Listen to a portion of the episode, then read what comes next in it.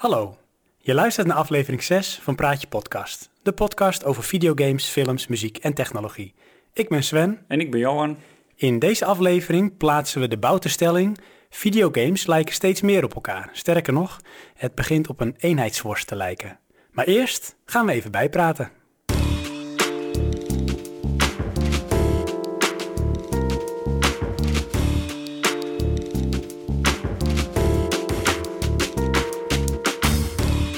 Johan, Ja, ik heb een kuchje. inderdaad. Weet je hoe dat komt? Eh, is dit podcast relevant? Of? Het is altijd podcast relevant. Het gaat om voor ons. ja, Lieve luisteraars, ik eh, ben ziek geweest. ja. Ja, ik had influenza. Weet je wat dat is? Nou, dat klinkt als griep. Klopt. Ja, Maar ja had je ik, ook echt griep? eh, Want als je echt griep hebt, dan lig je een week plat, hè? nou, ik heb ook een week plat gelegen. hè? Ja hoor, aanstellen. Maar je hebt helemaal niet gevraagd hoe het met me ging. Nee, maar dat interesseert me ook helemaal niet. Ik zal je vertellen hoe het ging namelijk, aangezien je het zo graag wil weten. De eerste dag, oh. Ja, help, help. Nee, Ja. ik, ehm, ik kwam op een maandag thuis van het werk. En ik had ehm, al getraind die dag gesport. We kunnen zeg maar eh, in de pauze sporten. En ehm, dat ging al moeizamer dan anders. En ik denk, hé, hey, hoe kan dat? Maar ik denk, misschien ben ik gewoon een beetje moe. Gebeurt wel eens, hè? Maar toch had ik het idee dat ik een beetje achter de feiten aanliep. En ehm, ik denk, nou, ik weet niet. Het zat eh, gewoon een beetje vervelend.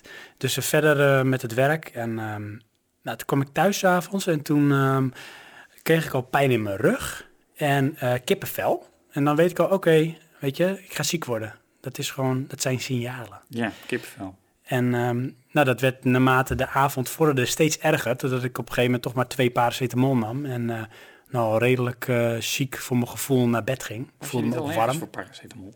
Wat zeg je? Was je niet allergisch voor paracetamol? Nee, ibuprofen.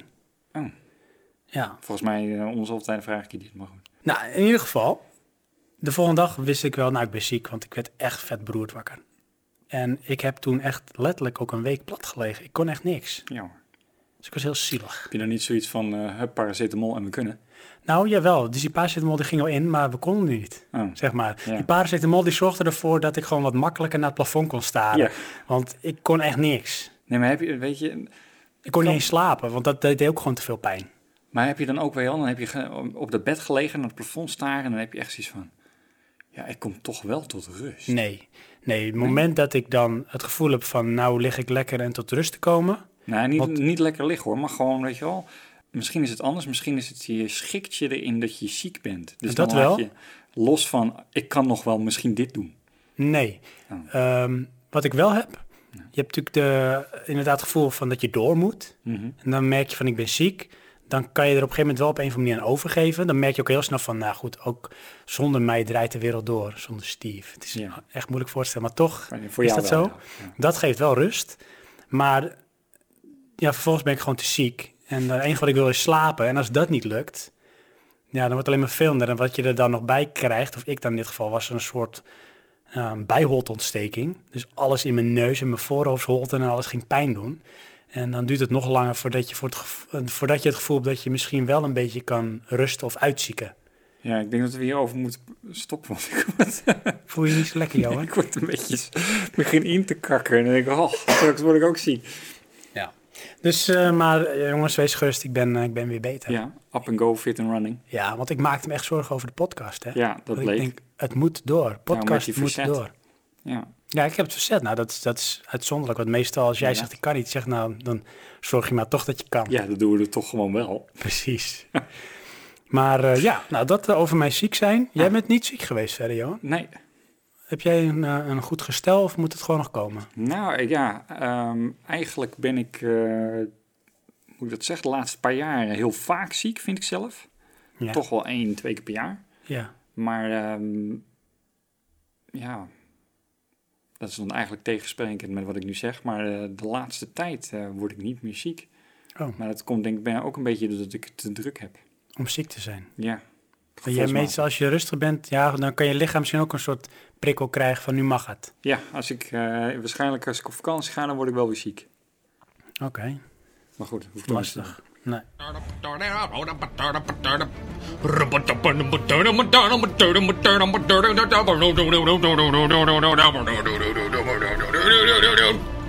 Rum-a-dum-dum-dum-dum.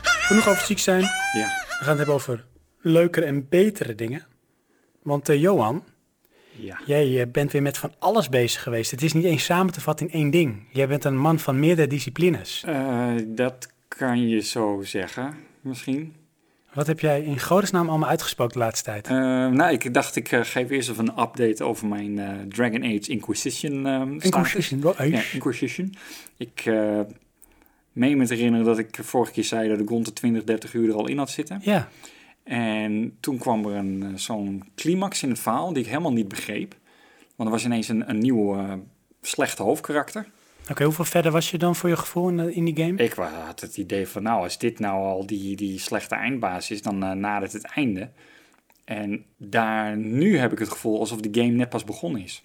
Dus hij is ook nog niet af. Hij is nog lang niet af. Maar hoe weet je dat hij nog lang niet af is? Omdat je ziet die map en daar staan dus allemaal locaties in waar je naartoe moet om dingen te doen. En dat moet ik dus gewoon nog allemaal weer gaan doen. Oké, klinkt als werk.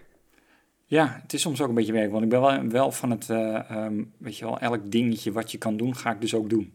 Oh. Wel, eh, verzamel de 200 druifjes en eh, maak even dit ervan. oh, dat doe je dan ook, dat doe ik dan ook. Maar waarom?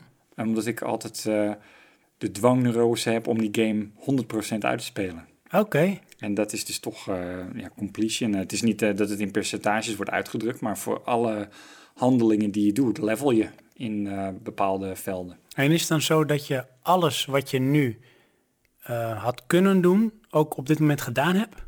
Tot nu toe? Ehm, nee, Of zijn er dingen die misschien al vanaf het begin nog sluimeren die je nog af moet maken om dat te halen? klopt. Er zijn nog dingen die ik niet had kunnen doen. En er zijn ook een aantal dingen, zoals ik, eh, ik heb, eh, er is een draak die je nou, moet verslaan, weet ik eigenlijk niet eens, maar dan kan je tegen vechten en dit is me nog steeds niet gelukt. Oké, En het is toch Dragon Age Inquisition. Inmiddels heb ik een andere draak gezien ja. in, die- in die wereld dan. Ja, Dus ik denk, nou, misschien moet ik maar weer eens terug eh, naar die plek gaan om die eerste draak nu eens eigenlijk te verslaan. eh. als je nu even zou moeten gokken, hoeveel uur denk je dat je in de game hebt zitten ondertussen? nou, ik denk toch wel eh 50 uur of zo. eh. Wow.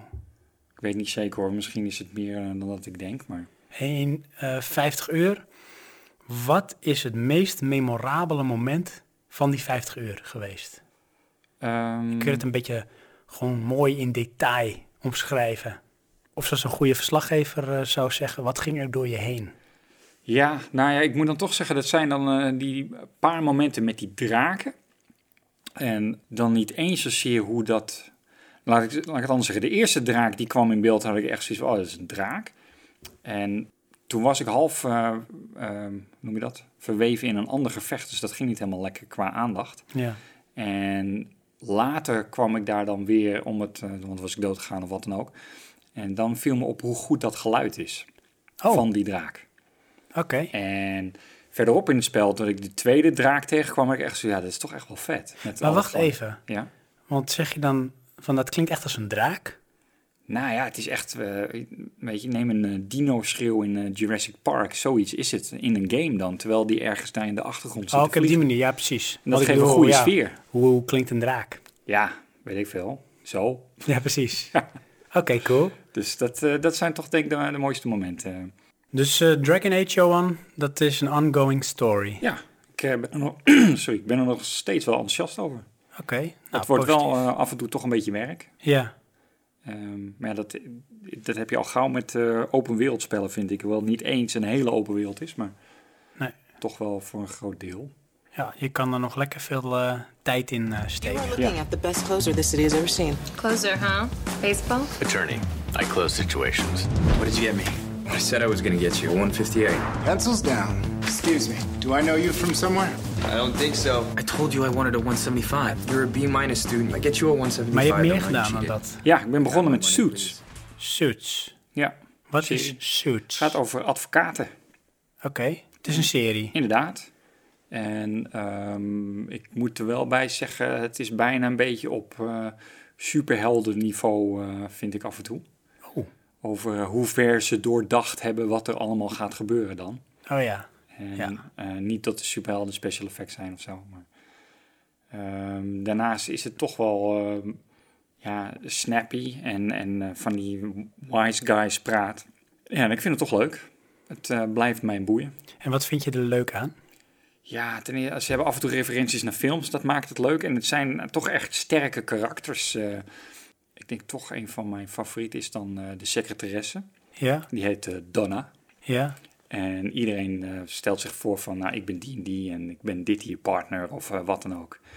En zij stelt zich dan een keertje voor van, ja, ik ben Donna.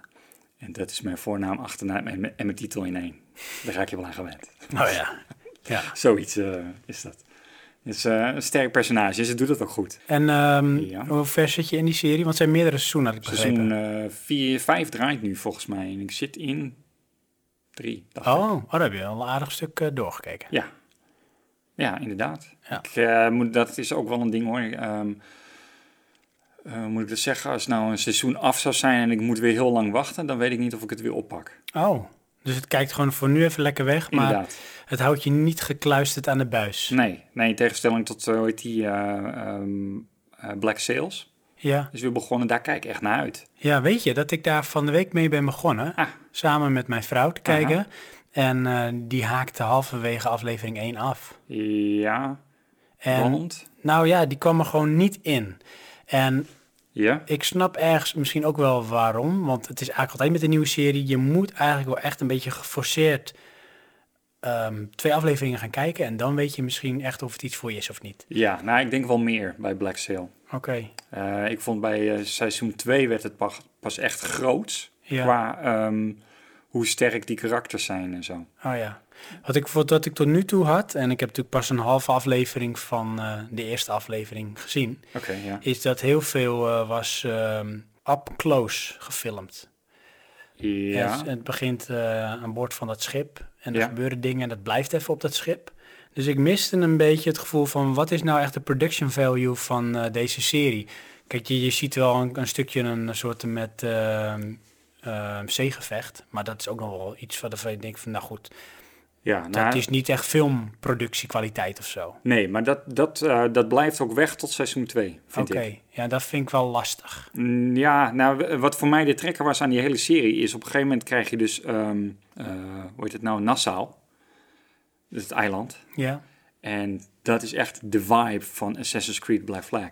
Oh, oké. Ik heb echt zoiets van, nou, dit is gewoon hetzelfde, dit is vet. Ja. En eh, dat was voor mij ook de trekker aan die hele serie. ja, precies. Daar heb jij een associatie bij. Ja. En die heeft mijn vrouw natuurlijk dan al sowieso niet. Sorry? Die heeft mijn vrouw dan natuurlijk al sowieso niet, want die Nee. speelt die game ook niet. Ja, nou ja, dat, dat is gewoon. En ehm, daarna ga je dan zien van hoe, hoe sterk die karakters zijn en zo. Want ehm, als we dan Suits nemen, daar zijn ze heel snappy met eh, woord en tegenwoord. De Ja. een tegen de ander. Ja, Maar in ehm, Black Sales vind ik juist, eh, met name in seizoen 3 is geloof ik waar, waar we nu zitten. ja. Dan eh, geeft iemand een onderbouwing waarom bepaalde dingen moeten gebeuren of niet. En dan heb ik zoiets van, ja, ja, dat is wel een goed punt. Maar daarna gaat iemand anders dat tegenspreken met een onderbouwing. Dat je ziet even, dat is eigenlijk ook heel een goed punt. Oh ja, En dan is het dus van, ja, wie, Wie, speelt eh, het nou klaar? precies. Dat, eh, ja, dat maakt het sterk, vind ik. Ja, ja. Blijft wel bij dat, ehm, om de vergelijk te blijven houden, Suits heeft zoveel karakters die dan eigenschappen hebben die je leuk of niet leuk kan vinden. En ik denk dat in Black Sail er misschien drie sterke karakters zijn. Oké, en één is dan die John Silver. Heet hij Eh, toch? Dia. En eh, die andere is dan die, die, die kapitein. Ah, oké. Ja, En dan, ja, dan is er misschien nog één voor, eh, voor wie wat wils. Maar ja. die zijn toch merendeels ondergeschikt, Oké. vind ik. Dus Suits. Ik weet dat Suits te kijken is op Netflix. Ja, Ik weet alleen niet tot welk seizoen daarop staat. ja dat weet ik dan eigenlijk ook niet Nee. exact hoe ver. Ik weet dat vijf is, is bezig. Oké, Maar ik weet niet of dat nou nog in één keer er allemaal op gaat. waarschijnlijk niet hoor. In ieder geval kan het langer op zich laten wachten op Netflix. En eh, Walking Dead is weer begonnen. Ja, nou weet je dat ik moet daar toch wel even een, een, eh, een hoop bij kijken. Om weer up to pace te zijn, bedoel je? Ja, ik heb wel ehm, het einde gezien van ehm, seizoen 5. Ik weet het niet. Ik weet wel, als dit niet het laatste seizoen is, denk ik dat dat voor mij het einde van Walking Dead Oh is. man, nee, ik krijg nooit genoeg van The Walking Dead. Meen je dat nou? Nee, het is voor Nee, mij The Walking echt- Dead bij mij, weet je wat Ja. het is? Nou, Ik heb het zeg maar embraced. ja. En ook de characters. En weet je, al, al doen ze wel eens een keer bijvoorbeeld zelfs een soort zijstap van de rode draad. Omdat ze, weet ik veel, misschien is de halve cast en crew ziek. Dus eh, ze gaan een aflevering compleet draaien om één personage. Dan nog vind ik het echt heerlijk om er naar te kijken. Nee, ik, eh, eh, voor mij is het nu zo voorspelbaar in waarom wie wat doet en wat er nu moet gaan gebeuren om deze serie door te kunnen slepen. Dat ik zoiets van, nou, laat het dan alleen nog maar even zien. Want Oh, dit ja. had ik ook wel kunnen voorzien. Ja, nou dat heb ik ehm, ook, maar dat vind ik juist wel leuk eraan. Oh ja. En Omdat het die voorspelbaarheid heeft. Want Ja. ik weet wat, eh, wat ik kan verwachten en dat gebeurt dan ook. Ja, en eh, ik vind het iets te geëikt. Dus zoals die, het principe van zombies, dat doet er eigenlijk al niet meer toe. Nee, maar dat vind ik ook helemaal niet zo erg. ik Nou vind ja. juist vooral die eh, ehm, de strijd tussen de mensen en eh, dat het wel allemaal in mijn ogen ehm, mensen van vlees en bloed zouden kunnen zijn. Ja. Dus met, met een bepaald geweten en een, een, soort eh, gevoel, een soort moraal. Maar ehm, wel vergroot, weet je wel. Dus Ja. bepaalde dingen die worden wel zeg maar uitvergroot. Maar dat vind ik juist wel leuk van zo'n serie. Ik weet, heb je de game ook gespeeld, de, de Telltale game? Nee. En ik had uh, seizoen probeer 1 jij heb ik nou daarvan elke- gespeeld. Podcast aan te smeren. Telltale, ja, Telltale, Telltale. Die ehm, heeft dat ook. Die heel, dat, eh, dat leunt heel sterk op de keuzes die de mensen maken. En dat mag jij natuurlijk wat meer doen in die game. Dan, hè, want in de film kan je alleen, of in de serie alleen maar kijken wat er gebeurt. Mhm. Maar dat heeft ook echt consequenties en de gevolgen daar ook van. En dat vind ik ook wel dat ze dat ehm, eh, gebruiken in de serie. En in serie zijn ze wel vanaf eh, de ene aflevering op de andere zijn ze over een verlies heen. Dat dan weer wel, maar goed, dat is in elke serie zo. Maar eh, toch heeft het iets van, er worden keuzes gemaakt en die hebben gevolgen. En dat doet iets met die mensen. En dat vind ik wel, dat vind ik wel iets hebben. Nou, ik moet ook zeggen, dit zijn slechtere series. Maar ehm neem een Game of Thrones. Ja, Staat dat, echt tien stappen boven. ja, nu staat bij mij ook op een soort met Pantheon hoor. Die Ja. staat op een voetstuk en eh, dat is ook wel voor mij absoluut de nummer één serie. Ja, maar dan moet ik zeggen, als je seizoen 3 de trailer kijkt van eh, Black niet. Sails. Oh, Black Sails, ook dat de trailer van een nieuwe seizoen van... eh, Nou, ja, het doet er eigenlijk niet toe wat je eh, kijkt. Er zijn dus een aantal shots te zien een float. En dan heb ik gezegd, nou, dit is filmkwaliteit. Oké, dat wel. Daar is niks mis mee, weet je wel. Dat, eh, je ziet niet dat eh, toevallig iemand met een kartonnen boot staat of zo. Nee, oké, precies. Nou, dat heb ik er daar dus nog niet uit kunnen halen. Maar misschien moet ik gewoon een paar afleveringen gunnen om te Ja. kijken. Ja, nou, Black Sails dat duurt wel lang voordat het er is, hoor. Ja. Krijg, op een gegeven moment krijg je dan nog eh, een, een zeeslag. Dat vond ik er niet filmisch uitzien. Hmm. Wel heel cool, maar Ja. niet filmisch.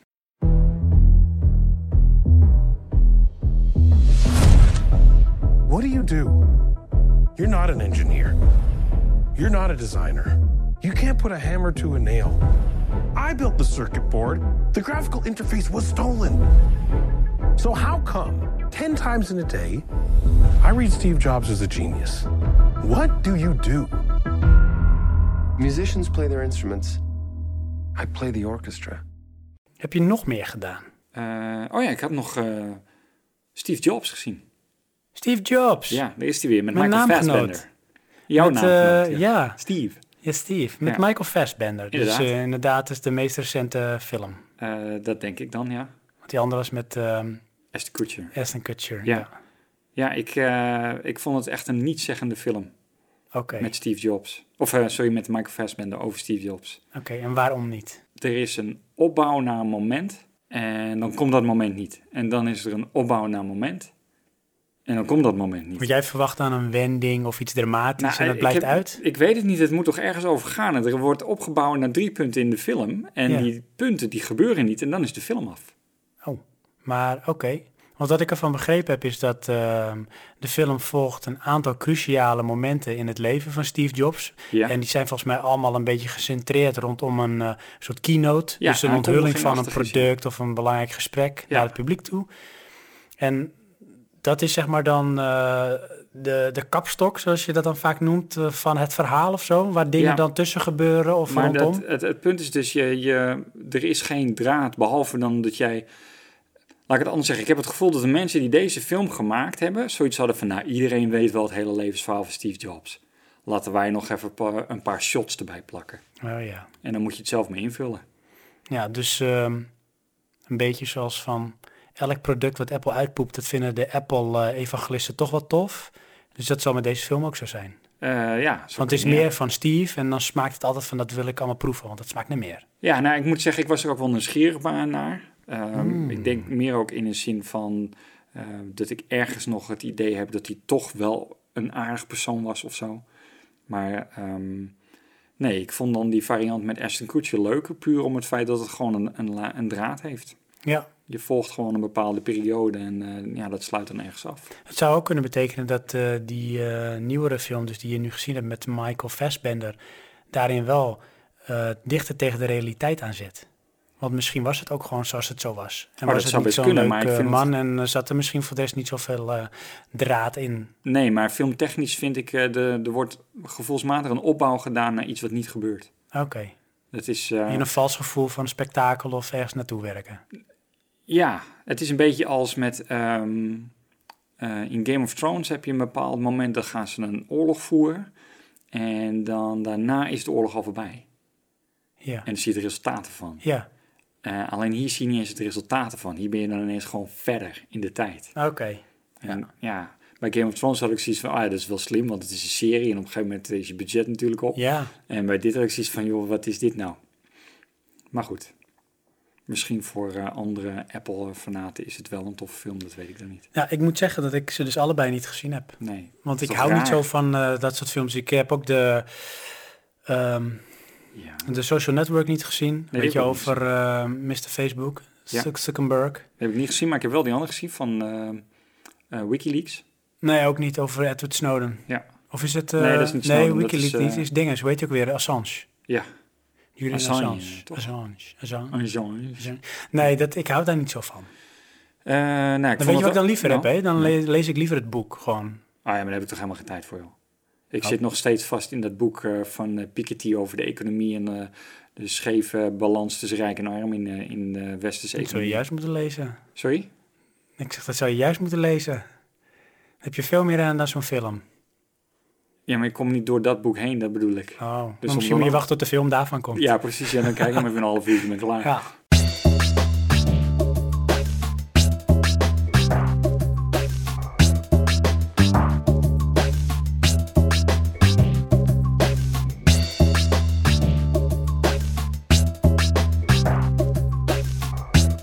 Johan, we zijn weer eh, even up-to-date. Ik denk het wel. We hebben ons eh, jeuk eruit gepraat, denk ik, van alles wat we willen delen. Ja, zoveel. Het is nog veel meer, maar ik denk dat bewaar ik nog voor een volgende podcast. Ja, Of misschien dat ik het in het hoofdonderwerp in één keer zo ertussen gooi. mhm, dat zo zijn we. Ja, want we gaan verder naar het hoofdonderwerp, Johan. En Ja. dat is niet zomaar een onderwerp, maar eh, eentje over eh, videogames.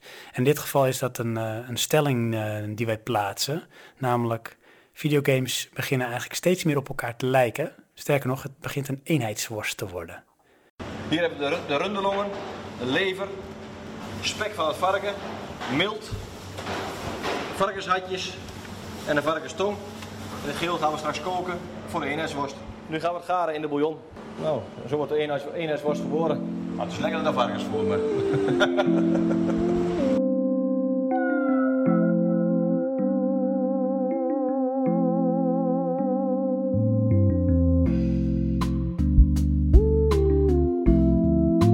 Johan, waarom heb jij deze stelling geplaatst? Eh, nou, eigenlijk heb jij die geplaatst. Klopt. Want het was een beetje een spin-off van mijn stelling. Ja. Maar die gaan we misschien een andere keer gebruiken, dus die hou ik nog voor me. Oké, je gaat hem niet in de mix gooien, stiekem Nee. toch hier ergens? Nee, want dan wordt het eh, te, te hak op de tak. En eh, we hebben ook een aantal reacties gekregen die eh, willen we betrekken. En dat is dan op deze stelling. Ja, want we hebben toch wel eh, een kleine shitstorm eh, veroorzaakt. Ja, misschien moet jij nog maar een keer de stelling zeggen. Ja, want het was mijn stelling, lieve luisteraars. En ik deed het ook misschien wel bewust een beetje om eh, de knuppel in het hoenderhok te gooien. Maar ergens zit er ook wel voor mij gevoel, en ik denk dat jij het ook wel hebt, een, Ja. een, een bron van waarheid in. Of zoals ik het zelf dan ervaar. Nou ja, inderdaad. Het is geen waarheid. Het is een observatie. Nou, de stelling die wij, die wij plaatsen, Die jij het plaatst. hoofdonderwerp, die ik geplaatst heb, maar Ja. eh, waar we toch tot consensus zijn gekomen dat we hem samen stellen. Behandelen. Ja. Ja. is dat eh, videogames tegenwoordig steeds meer op elkaar beginnen te lijken. En Ja. sterker nog, het lijkt wel een beetje een eenheidsworst. Inderdaad. Van, eh, gooi wat dingen in de mix en hetzelfde concept komt er, mm, geeft een ander naampje, maar steeds weer uitrollen. Ja, in mijn ogen zijn daar de, de voorbeelden van ehm, Neem een Metal Gear Solid, een Assassin's Creed, een Hitman. Neem de hele Uncharted-serie, Ja. eh, Tomb Raider, Inderdaad. die eh, The elkaar- Division. En Nou, nou, de Division je... zie ik toch even anders. Oké, misschien is dat wel iets te ongenuanceerd. Ja, als we nou die eh, Assassin's Creed, ehm, eh, Metal Gear Solid, Hitman, Uncharted, Tomb Tomb, Raider. Raider. eh, er komt nou weer een andere... Misschien Quantum Break ook wel een beetje. Dat zou kunnen, ja. Maar ook die eh, van eh, de makers van eh, Killzone. Die hebben ook weer zo'n achter Tomb Raider-achtig Ja, eh. Horizon Dawn. Dat zou kunnen, ja. Ehm, die zijn allemaal van... Je, Zero, Horizon Dawn. je hebt volgens je mij. character, third person... en je moet eh, sneaky eh, ergens doorheen manoeuvreren. Om- Ja. Nou, weet je wat is? Als je het ook letterlijk zo stelt, hè? Ja. En dat is een omschrijving van de game die je laatst gespeeld hebt. Dan moet ik echt gaan nadenken van ja, welk van de twintig is dat dan? Want ze hebben dat allemaal. Ja, het, voor mij is het verschil nu het thema. De ene is in de middeleeuwen, de andere is in eh, special ops, de, de volgende is eh, survival. Precies. Eh, schat zoeken is dan misschien weer een nuance. assassin. Ik, wa- waar mij ook een beetje mee zit, waarom ik het eens ben met die stelling, is ehm, als we kijken naar vroeger, de good old days. The good old days. Toen kwam er Hitman kwam uit. Oké. Ik weet niet of je dat nog kan herinneren. Jazeker, ik heb ook nog gespeeld. Ja, die hebben we nog gespeeld. Ja, Dat was zo vernieuwend dat we eerst niet eens overweg konden met dat spel. klopt. Dat we echt zeiden, wat moeten we nou doen? Er was eigenlijk al te veel keuzevrijheid. Ja, Je kon zo zelf bepalen hoe je het verhaal ging doorlopen. Eh, ja, dat je inderdaad, dat was je niet gewend. En Nee. dan, eh, dan mist je haast zeg maar een beetje de, de, de, de lineaire, eh, ja. het? ja, het lineair gehalte erin van nou, hoe moet ik het dan doorlopen? ja, want je moest ineens vooruit gaan denken. Dat waren we niet gewend. Ik Nee, kan me nog herinneren dat wij een gast ehm, gesloopt hadden. Die hadden we toen eindelijk in een container gedumpt. Het kostte ons een halve dag. En toen waren we dus daar voorbij. Maar dat had niks met het doel te maken. Nee. En dat kostte al zoveel tijd met moeite en de controls en hoe dat nou allemaal werkte. Dat snapten we gewoon nog niet. nee, weet je wat ik daar wel heel tof aan vond? Nou, En ik weet niet of dat de eerste game die dat eh, was die dat had, maar het eh, zette je er ook eh, toe om het nog een keer te proberen op een andere manier. ja, Want op een gegeven moment kreeg je idee, hé, maar wacht, ik zou het misschien ook zo kunnen doen. Je kon gunblazing, kon je er doorheen proberen te gaan, ja. maar de kans dat je het einde redde was klein. We geprobeerd, lukte niet. Precies, maar dan kon je sneaken. Nee, maar je kon wel op twintig manieren sneaken. Ja. Dat is overdreven, maar je kon heel veel maniertjes verzinnen om of inderdaad die persoon om te leggen, of die eh, persoon eh, af te leiden. Ja, dat gaf zoveel vrijheid en mogelijkheden. Dat Ja, zette aan om tot meerdere speelsessies. Ja, en dat was toen heel erg vernieuwend. Maar Ja. toen had je ook heel duidelijk, ehm, je hebt een type game en die doet dat. En als jij iets anders wil doen, dan ga je een ander soort game spelen. En zeg je dan dat tegenwoordig voor jouw gevoel games dat allemaal in de mix doen en dan is dat het hele spel? Ja. Eh, en dat geldt niet voor alles hoor, want flight simulators zijn nog steeds flight simulators, race games zijn nog steeds race games. Maar eh, vroeger was het van, als je rond wil lopen, dan speelde je een spel waarin je kon rondlopen. En dat kon nog niet eens volledig eh, 3D zoals nu, maar dan nog, dan kon, dat was een, een platformer eigenlijk, dat Ja. was je loopspel. Ja, Nou, dan vliegen, dan had je een vliegspel. Eh, rijden was eh, een motorracespel of wat dan ook. Maar neem een GTA, alles zit erin. ja. Je kan in elk voertuig stappen, vliegen en springen en schansen. Schieten kan erbij. Je kan zelfs nog vaak ehm, games, indie games spelen. ja. En dat is allemaal één grote hoop geworden. Ja, het is wel dat bijvoorbeeld in dit geval zoals GTA, die zetten daarin de standaard. Ja. En wat krijg je dan? Dan ehm, heb je bijvoorbeeld ehm Saint Rose, Ja, of Saints Row.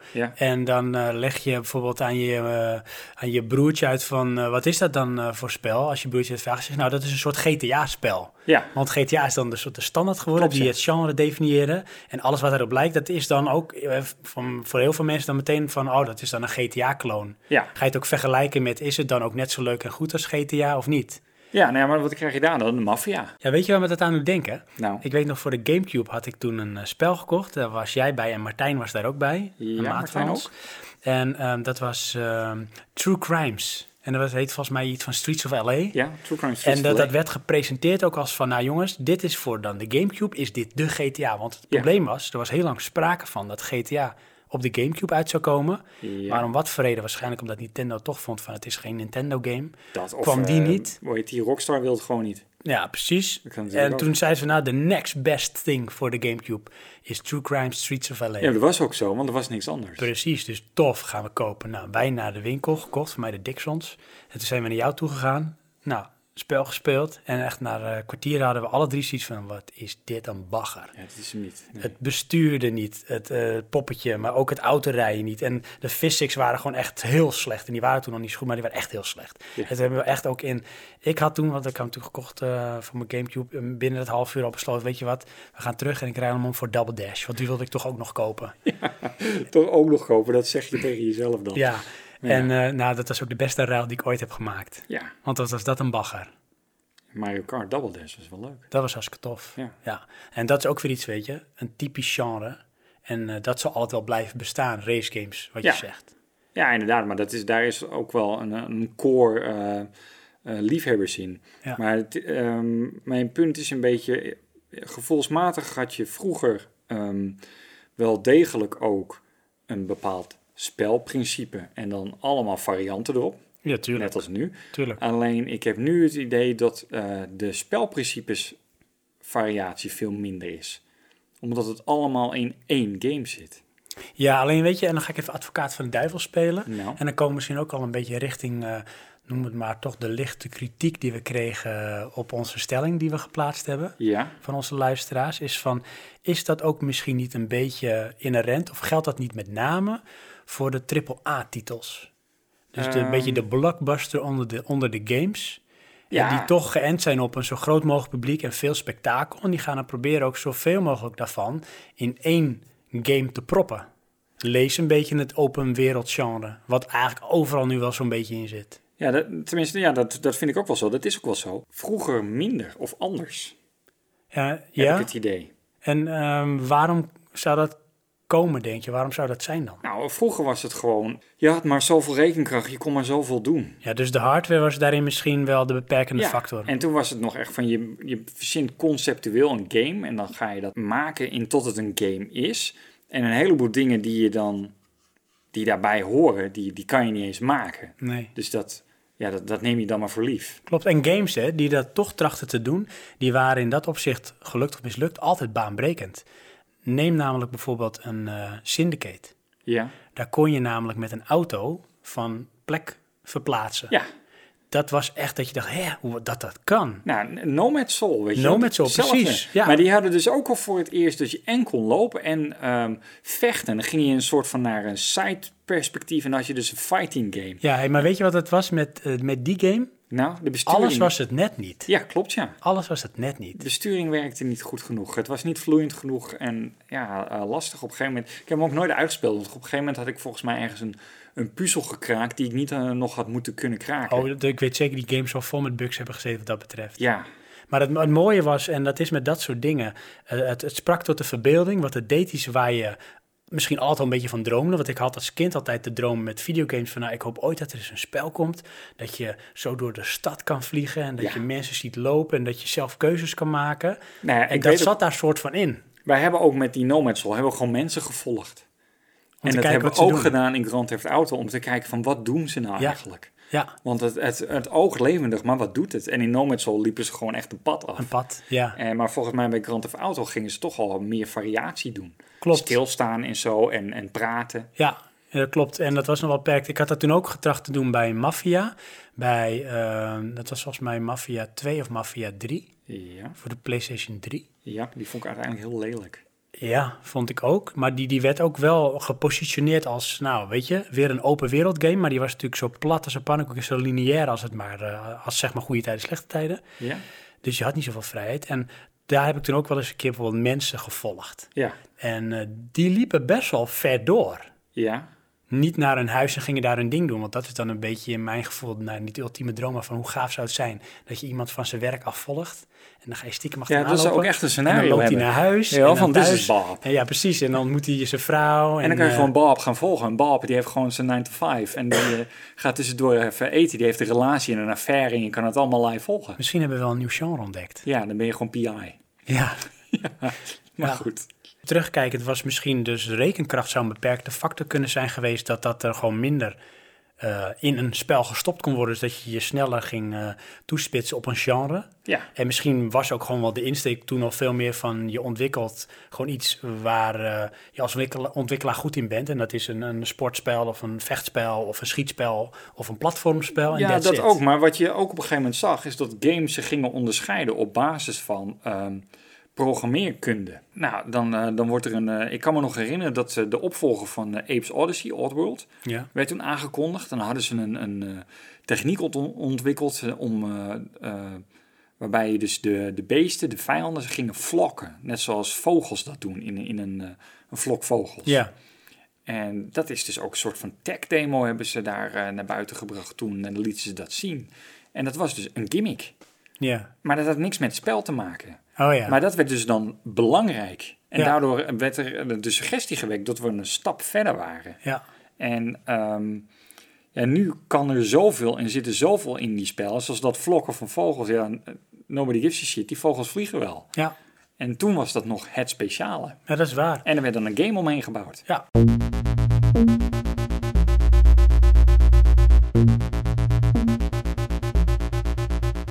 Ik zit even te denken, Ja.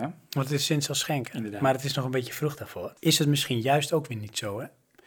Dat vroeger er veel meer eenheidsworst was dan nu. Want misschien had je vroeger maar vier genres en daarin had je dan de variatie die daar dan in zat en that's it. En heb je nu Eh. eigenlijk veel meer cross-genre en cross-platform spellen. Nou, ik, ja, ik denk dat, dat dat wel zo is, puur op basis van de evolutie.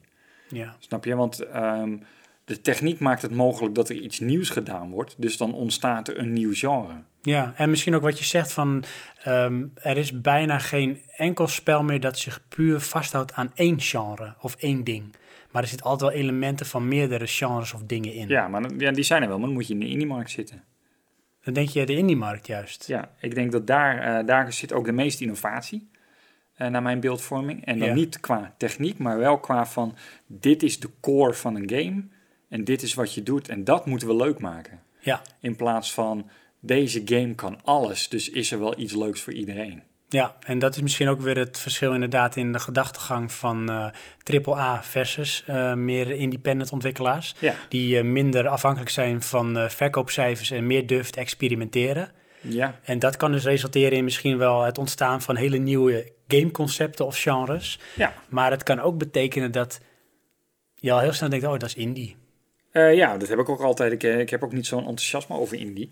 Ehm, maar ik heb wel het beeld dat eh, als je iets anders wil, moet je daar zitten. Totdat ze inderdaad dan Ja. misschien iets dermate goed doorontwikkelen, dat ook AAA-titels denken, of ontwikkelaars van, hé, hey, dat kunnen wij ook gaan toepassen in onze game. Ja, maar goed, er wordt gekocht. Neem een Minecraft. Ja, nee, dan krijg je dat. Je En ja. eh, net zoals bijvoorbeeld ehm, No Man's Sky, dat wordt volgens mij gepositioneerd als indie. Ja. Maar goed, de publisher, eh, in ieder geval... dat wordt in mijn ogen echt een flop. Ja, nou, het idee, ik vind het idee wel echt helemaal tot de verbeelding spreken hoor. En het wordt uitgebracht natuurlijk op PlayStation, dus hoe, ja, en best wel als een soort ja, AAA-achtige titel. Dus hoe indie is dat dan? Nou ja, we- weet je wat ik daar dus precies bij heb? Daar is dus precies van, dit is een technical development. Ja.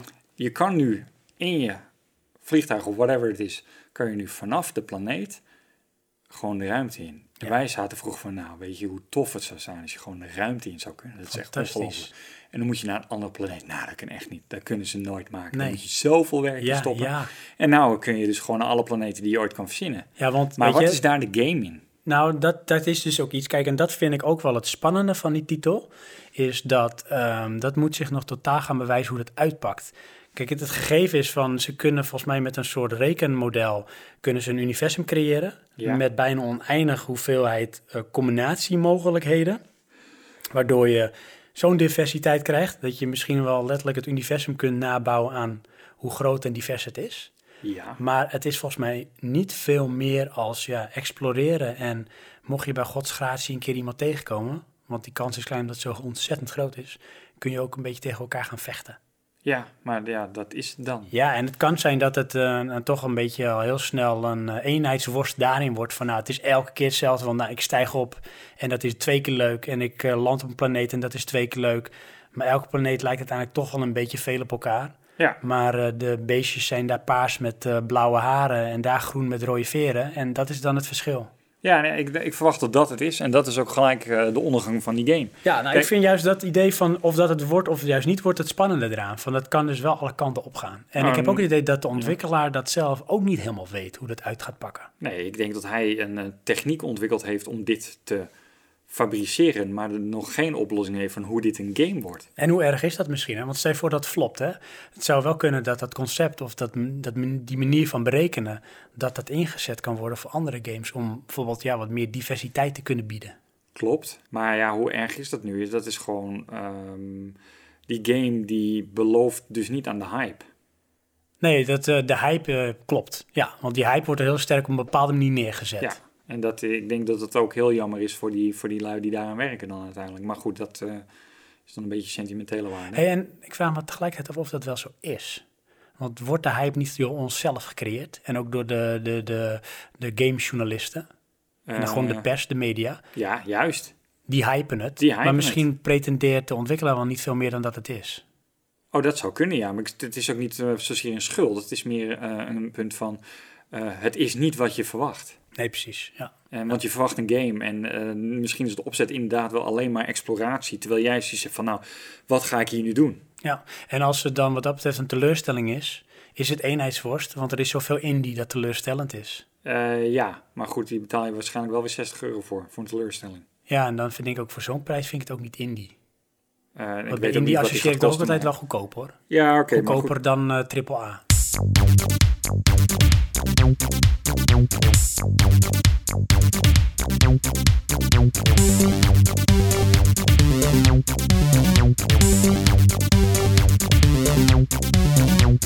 Ik wou nog iets zeggen over toen we afdwalen naar eh, No Man's Sky.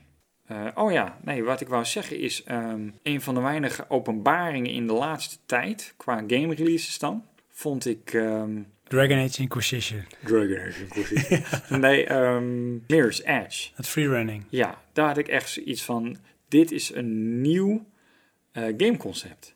Ja, terwijl het natuurlijk wel eh, nou, het idee had van open wereld. Hoewel het misschien ook wel zo lineair is als dit. Want je kan dus een beetje de rode dingen volgen. Ja, en Maar technisch was is wel- het eh, qua shooter niveau, Ja. qua, qua graphics en zo, Ja. maar het was gewoon verfrissend nieuw. Ja. Ik ben ook sceptisch over deel 2, want is dat nog steeds leuk dan? Ja, ik vraag het me ook heel sterk Of is af. het zo lang geleden dat het weer leuk is? Ja, nou weet je wat is? Ik was heel snel uitgekeken op het hele freerunning concept. Oh nee, ik heb hem helemaal gespeeld. Oké. Ja, Jan heeft hem al drie keer gespeeld. Ja, nee, ik vond eh, de... Ik had toen de demo gespeeld in eerste instantie. Ja? En eh, daar was ik zo van in, in- onder de indruk. Ik heb toen ook een deel van de game gespeeld. Toen dacht ik iets van... Nee, de gimmick is nu wel duidelijk. Oh ja, nee, ik, vond, eh, ik vond die stijl en de, de vibe vond ik echt heel goed. Dat bleef leven. Het enige wat ik heel sterk aan vond is van... Ja, je kunt vechten, maar je hebt geen wapens nodig. Want je bent zelf het wapen. Ja. Je kan wel af en toe een wapen afpakken en misschien twee keer iets mee schieten. Maar dat is niet de core mechanic van de game. Klopt. En, en het grappige is, wij gingen daar totaal voorbij. Wat gingen wij doen? Wij pakten de gast met het zwaarste wapen. Dan hadden we zijn wapen. Zo creatief. En dan verloor je niet meer. Ja. Alleen op een gegeven moment krijg je dus een, een bepaalde eindvijand achter iets. En dan moet je dus in die core mechanic hem verslaan. Ja. En dat konden we dan niet. Nee. Dus daar hebben we dat vet lang op zitten oefenen. En dan ben je daar weer voorbij. Maar goed. Hey, en als we, als we eens onze, onze pijlen richten op eh, zeg maar de, de, de, echt de, de AAA-publishers en de AAA-titels, Ja. dan kom je al heel snel Call of Duty. ehm, op eh, nou ja, bepaalde PC-titels en heel snel op consoles uit. Want dat Ja. richt zich toch eh, meer op eh AAA. Ja. Is daar dan, wat ik in het begin ook al aangaf, meer sprake van eenheidsworst dan bijvoorbeeld misschien eh, het PC-genre of het mobiele platform? Ehm, ja, ik denk van wel. En dat kun je ook eigenlijk wel zien met hoeveel moeite die games hebben om te overleven. Neem een, een, Hitman of een Metal Gear Solid of eh, een Assassin's Creed. Ehm, kijk, een Assassin's Creed komt elk jaar opnieuw. Ja. Een Hitman komt om de zoveel jaar opnieuw. Maar daar is, heb ik toch een beetje het beeld van, komt er nog wel een nieuwe? Ja. Ehm Metal Gear Solid is nu ook op een gegeven moment, eh, naar mijn beeld, gewoon gezegd van die game is nu klaar genoeg, breng hem uit. Ja. Ik verwacht daar niet dat er nog een nieuwe komt. De um, bedenker, uh, ontwikkelaar, of in ieder geval de geestelijk vader van Metal Gear Solid, Hideo Ja. Kojima, die is Ja. natuurlijk uh, opgestapt bij uh, Konami. Ja. En daarmee is misschien natuurlijk ook wel het einde ingeluid van Metal Gear Solid. Ik Ja. weet niet waar zeg maar, het intellectueel eigendom ligt, of dat van hem is of dat het van Konami is. Ik neem aan van Konami. En oké, dan heb je dus kans dat er misschien nog iets uitgepoept gaat worden. Maar dan is natuurlijk heel sterk de vraag ehm, ja, in hoeverre dat dan nog Metal Gear Solid is. Ja, nou ja, eh, als, want ik heb het beeld, eh, maar dan hebben we het over eh, referenties van andere gameverslaggevers, wat wij dus helemaal niet zijn. ehm, dat Konami gewoon zich gaat richten op mobile. Nou ja, En dan is het gewoon, ja, als daar Metal Gear Solid in zit, dan is dat het. Maar voor de rest anders niks. nee, precies. Dus Ik- ja, want ja. Konami is meer dan een game developer. Hè? Ja, is dat een ik begrepen. uitgever. En dan weet natuurlijk maar eh, een deel hiervan in de westerse wereld. Dat zou in Azië wel heel anders zijn. Om terug te komen op, eh, je hebt eh, zoveel titels. Zoveel zitten er echt aan de absolute top. Nou, dat, dan heb je dus shooters, hoe noemen we dat? Adventures, explorers-achtig iets. Zoals Uncharted bedoel je? Die ja, Tomb Raider. juist. Eh, nou, dan heb je sportgames. Want er is altijd- is wel een FIFA. Ja, nee, die, die poepen ze uit. Ja, Elk jaar weer. Maar wat is er dan nog meer? Inderdaad, je hebt dan de shooters, first-person shooters. Dan Ehm, bij PC heb je Blizzard. Wat die uitbrengt maakt niet uit, dat is altijd goed.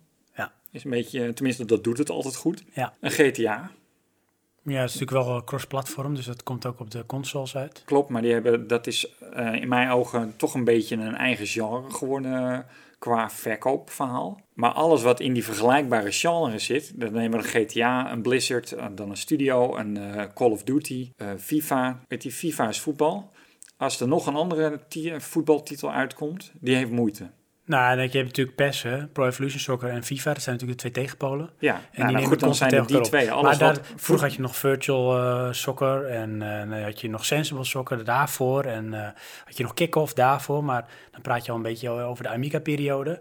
Maar inderdaad, daaruit is steeds weer wat afgebrokkeld totdat er eigenlijk twee over waren, FIFA en PES. En eh, ja, de vraag is of PES nog wel uiteindelijk overeind zal blijven. Maar FIFA, dat is natuurlijk een eh, Electronic Arts dingetje wat oneindig doorgaat. Ja, maar ik bedoel, daar is dus geen markt eigenlijk niet voor. Nee, dat is redelijk uitgekleed. Maar misschien is dat daarin wel een beetje een uitzondering hoor. Want als je bijvoorbeeld de race games neemt, Ja, nou dan heb je Need for Speed. ja, En dan heb je dan Gran Turismo. ja. En dan heb je Forza. ondertussen heb je, je hebt Forza.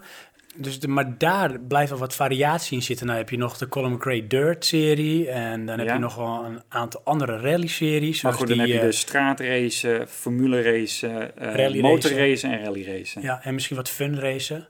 oké. Ja, de arcade. variant van die type dan eigenlijk. Precies, maar daar is dan nog wel wat variatie. En dat vind ik ook wel een genre waarin wel eens weer onverwachts wat titels uit kunnen komen die niet van een soort vast IP zijn die om de zoveel tijd weer wat uitbrengen. Ja, daar is nog wel ook eh, vrije concurrentie eh, in dan. eh.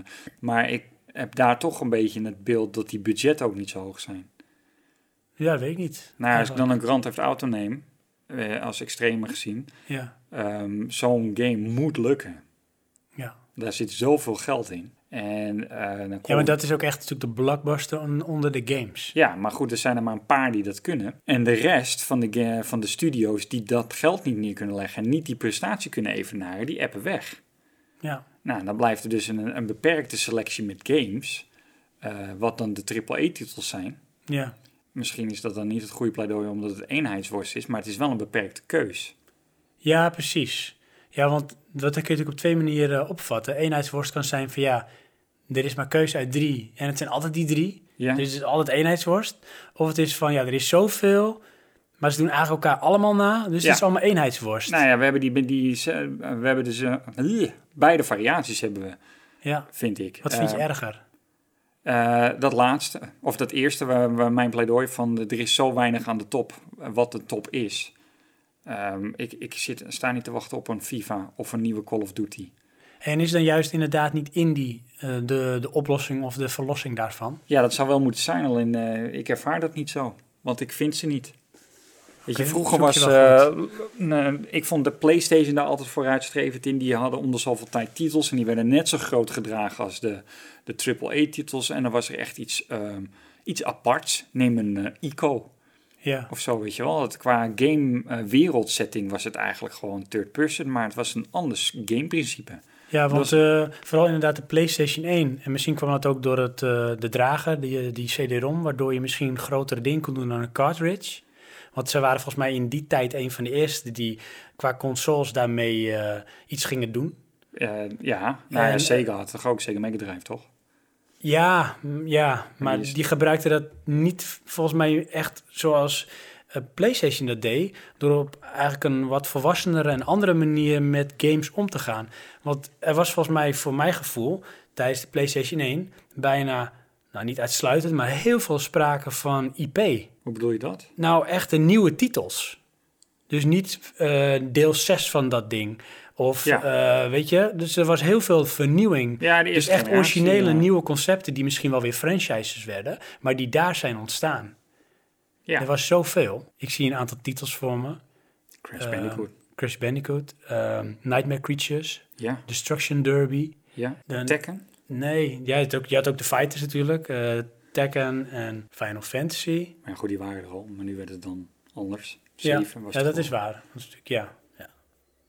Maar goed, op de, ik vond dat was een periode ja. Ja. waarin gewoon best wel heel veel eh, vernieuwing. eh, Ja, en dat kon misschien ook niet anders, want het was eigenlijk ook natuurlijk een heel nieuw gameplatform, PlayStation.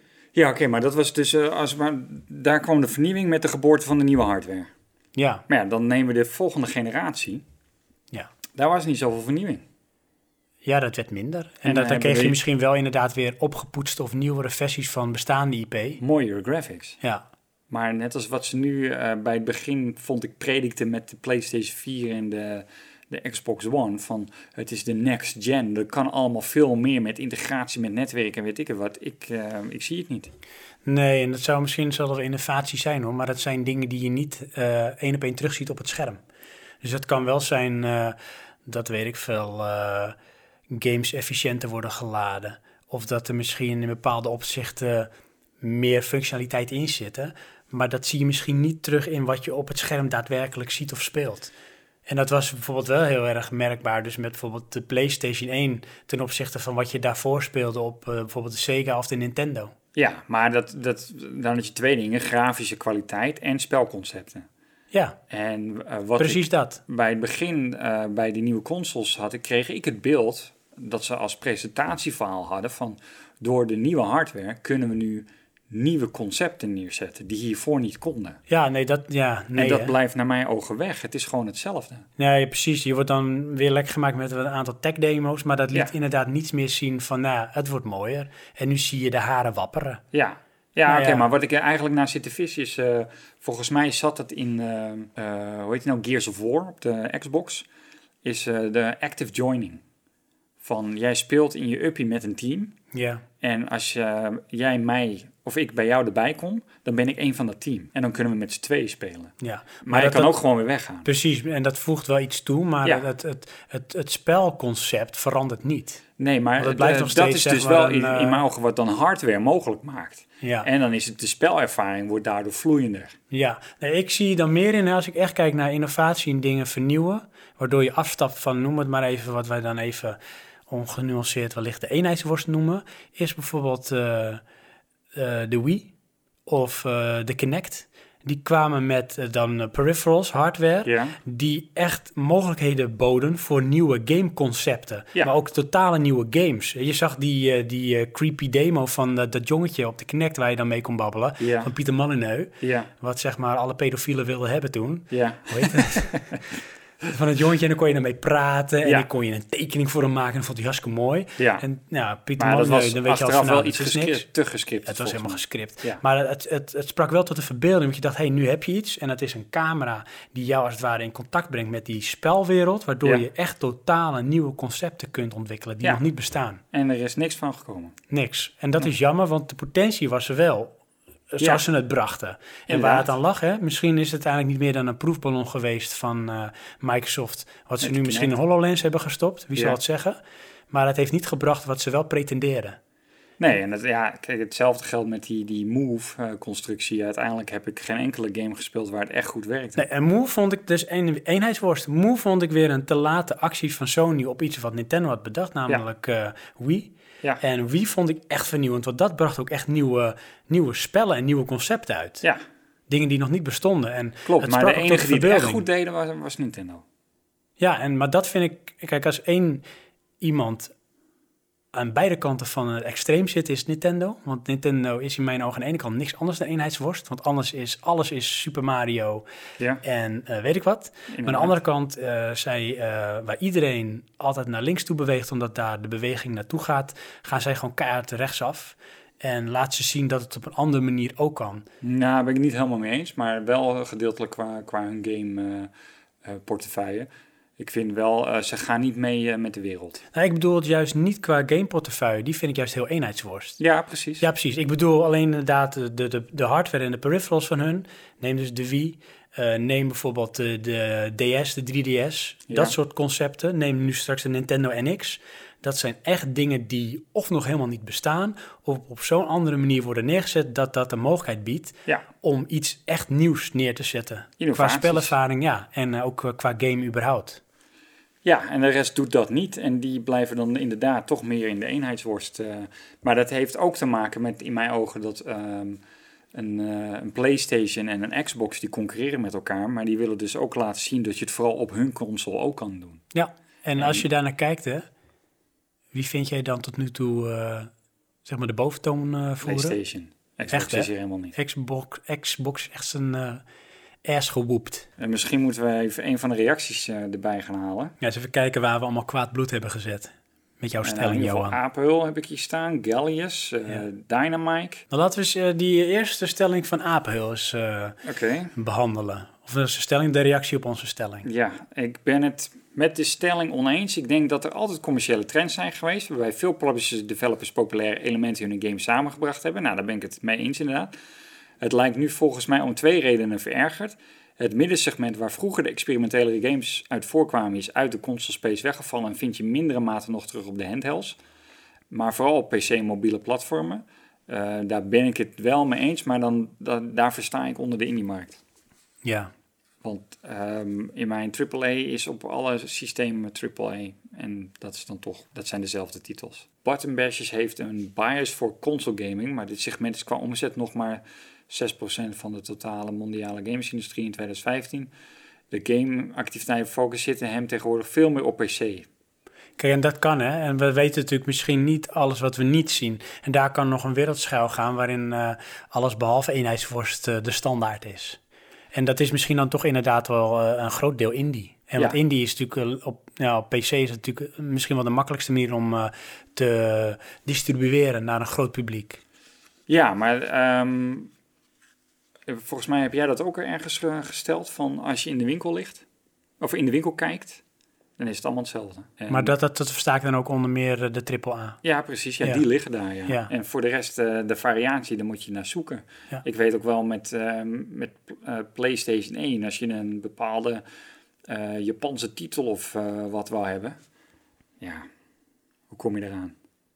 Ja, bijna niet. Nee, dat heb je dan ergens via een magazine ergens gelezen dat het überhaupt bestond. Precies. Nou, en dan eraan te komen, dan, dat lukt nog helemaal niet. ja, Eh, misschien dat je een kennis van een kennis van een kennis die daar dan op een of andere manier aan kan komen. Ja, precies. Eh, maar dat is eigenlijk dus nog steeds zo, ondanks dat je de, de hele wereld eh, digital kan distributen, wat we niet doen. Ja, nou, dus het kan ook betekenen, misschien wel, ehm, dat misschien zijn we ook wel een beetje op zoek hoor, naar eenheidsworst als, eh, als gamers. Nou, ik denk, dat is ook zo. In die zin, ehm, de producent voedt de markt. En de markt wil hetzelfde, schijnbaar. Want anders bestaat Call of Duty deel 1000 niet. Nee, inderdaad, het is wat je zegt, vraag en aanbod. Een deel Ja. van de markt wordt gegenereerd door wat ze bieden. En ehm, ja, dat wordt dan eh, als zoete koek eh, gegeten.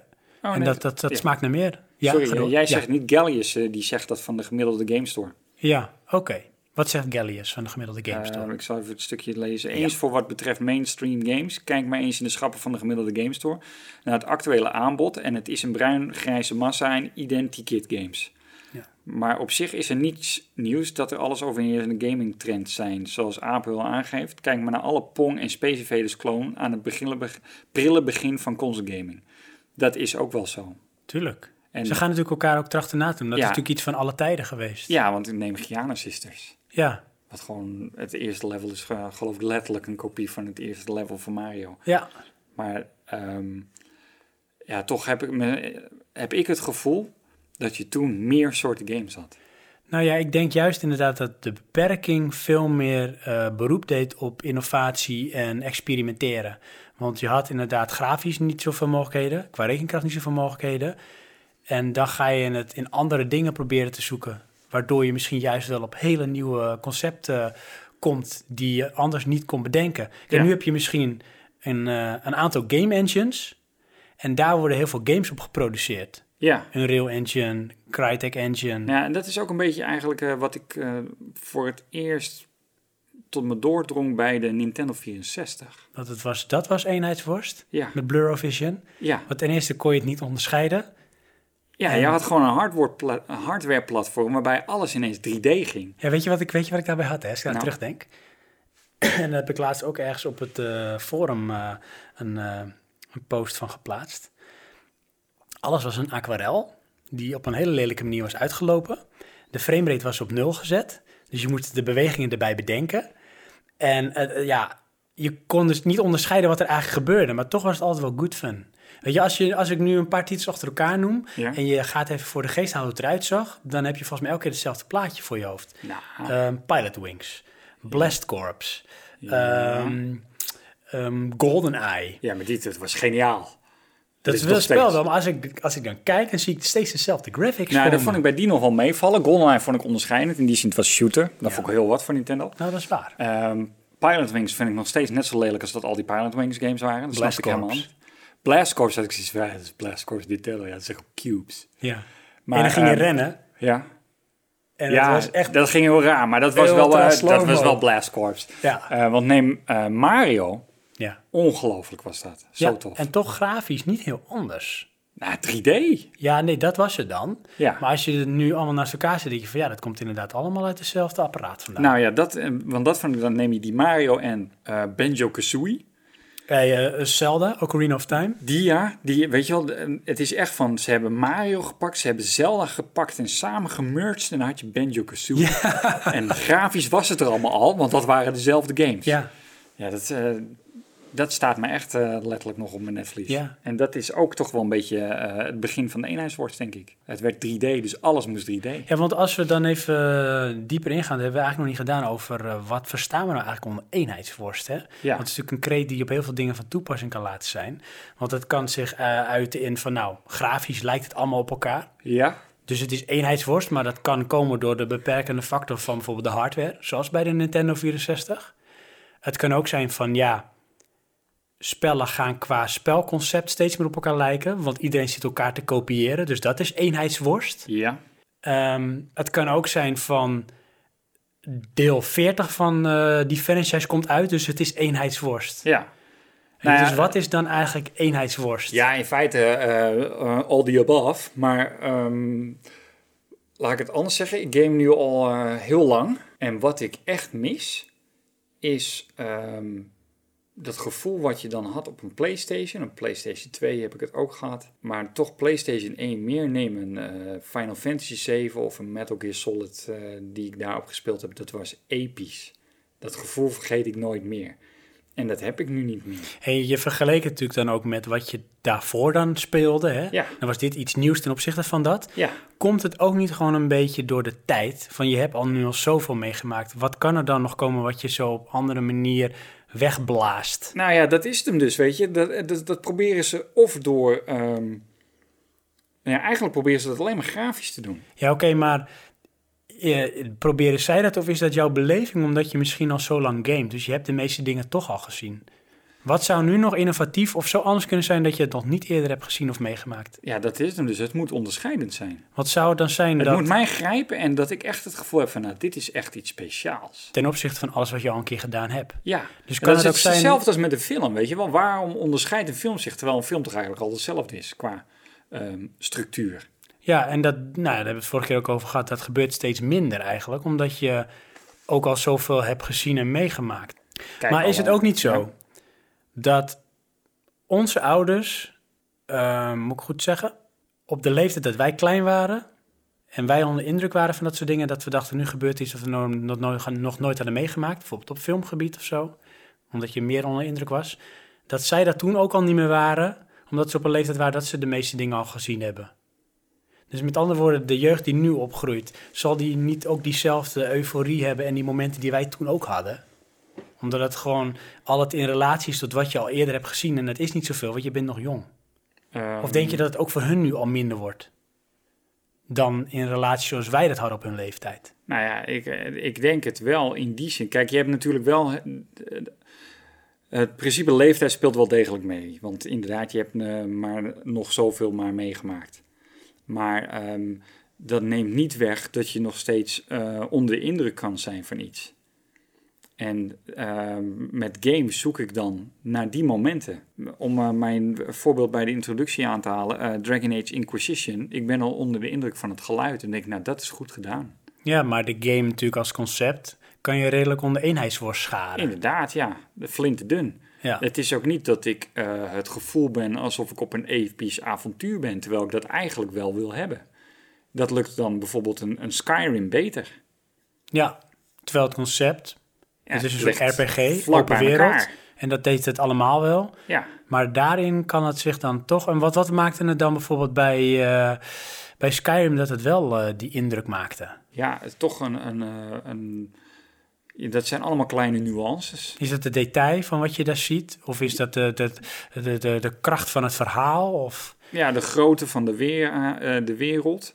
En dan is deze wereld ook heel groot. Maar ehm, de impact van jouw wapens en je spels ten opzichte van de wereld waar je in zit. Maar dat zijn dan inderdaad wel de details. Ja, inderdaad, details. Maar goed, dan is het toch eh, de verzameling van de details maken de nuance in ervaring. Dus kan het ook zijn dat als je iets in eerste instantie bekijkt en je schaart het onder eenheidsworst, zoals we zeggen van nou, heb je Uncharted, heb je Tomb Raider, heb je misschien Quantum Break, allemaal hetzelfde, en ehm, Assassin's Creed, dat als je het langer gaat spelen of wat langer bij stilstaat terwijl je het speelt, dat als je de details ervan ziet, dat je denkt nee, het onderscheidt zich wel degelijk.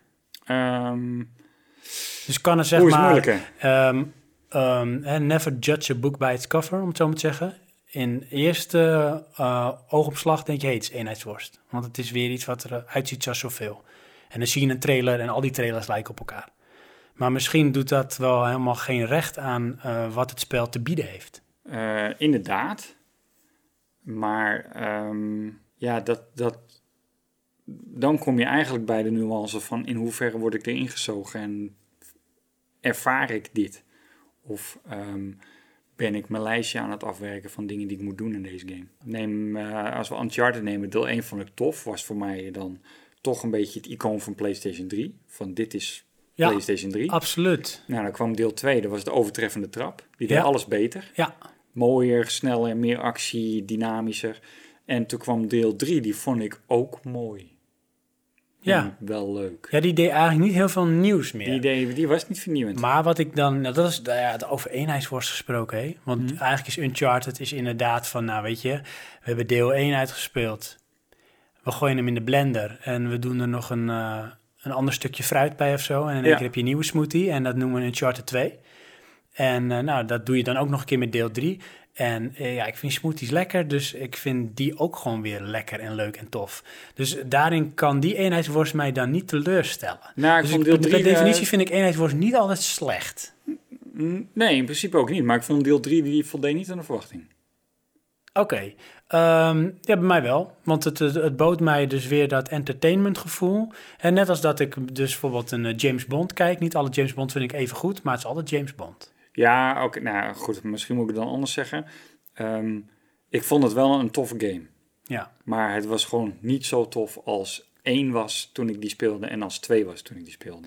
want ehm, ken jij titels voor de geest halen die meer dan eh, twee delen hebben?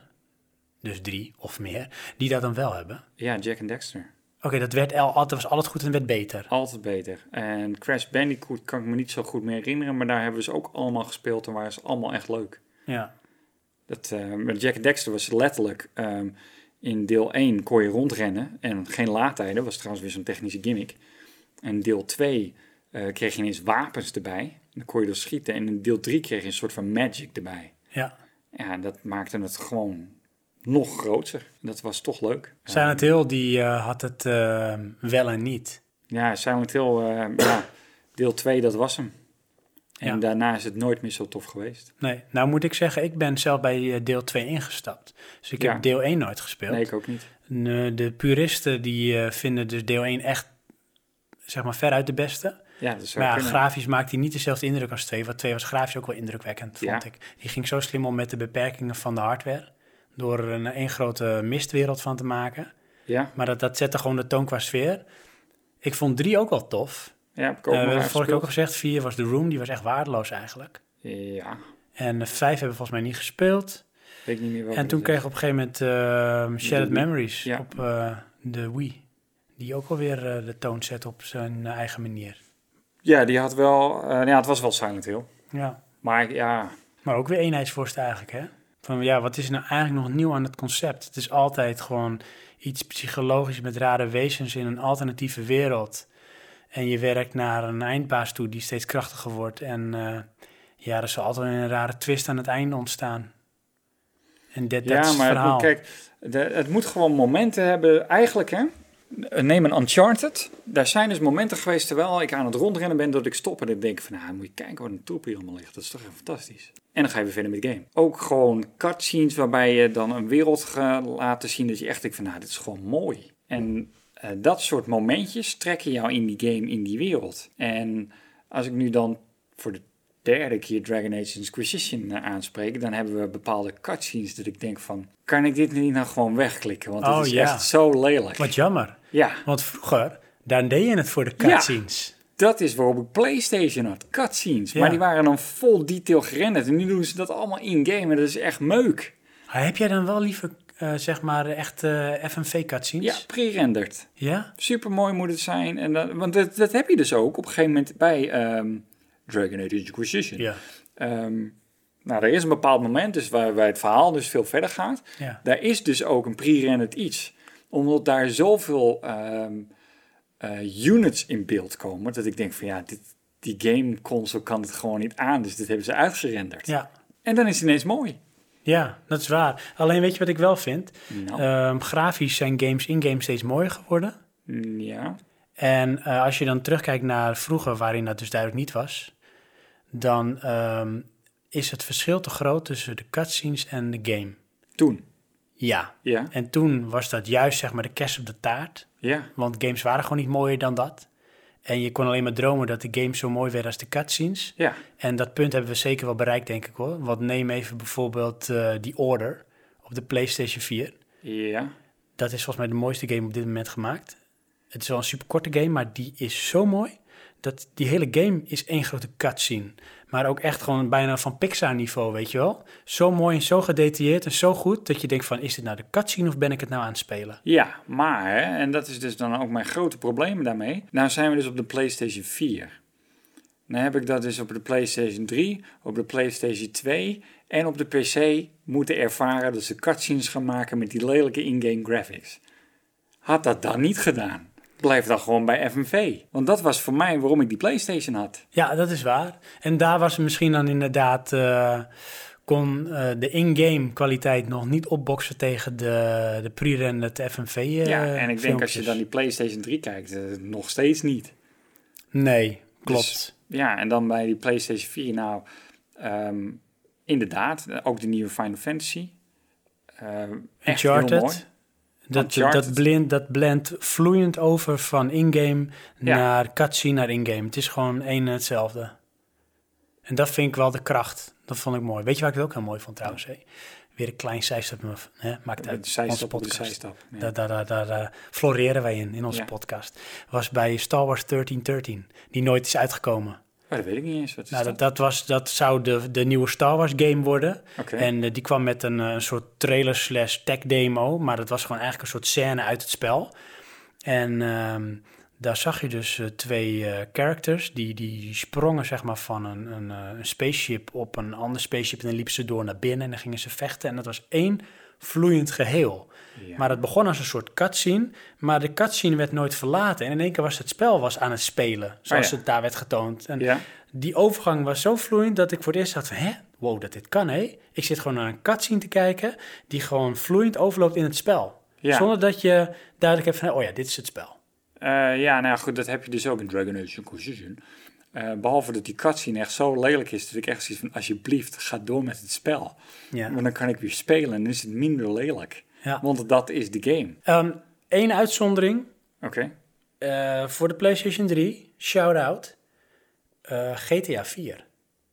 Die had de cutscenes, Heb je daar dat niet was in-game. En dat was echt mooi. Ja. En dat vond ik eigenlijk heel eerlijk gezegd ook wel een klein beetje bij eh, GTA 3 op de PlayStation 2. Ehm, Daar vond ik ook de cutscenes, dat was gewoon in-game. ja, was en- goed genoeg. Ja, Ja, ben ik het wel mee eens. Maar ik heb liever pre-rendered. Ja. Maar moet ik wel zeggen, ik heb liever pre-rendered, omdat juist die kwaliteit dan tien keer hoger wordt. Neem een Blizzard en Final Fantasy, daar had je dan echt shots dat ik denk van, nou, dit is zo mooi. Ja, wat Final Fantasy was wel echt extreem hoor. Dat was bijna zo sticky figures. En gewoon zeg maar een Disney Pixar film. Ja. En dat was dan geblend. Ja, Dat, dat verschil was, dat is gewoon te groot. dan mee nahalen? Je van, nou, weet je wel, ik hoef geen fantasie te hebben. Dat klopt. Ik denk ook dat je niemand zeg maar, van deze generatie nu kan uitleggen dat dat zo werkt. Op die manier. Eh, nee. Dan zeggen ze nou, dit, dit zijn twee verschillende dingen. En dan zeggen ze dat Ja, één van- is. Dat is gewoon niks. Waar kijk ik nou naar, Ja. weet je wel? Dat- ja. Ja. ja, toen was dat tof. Tenminste, ik vond het tof.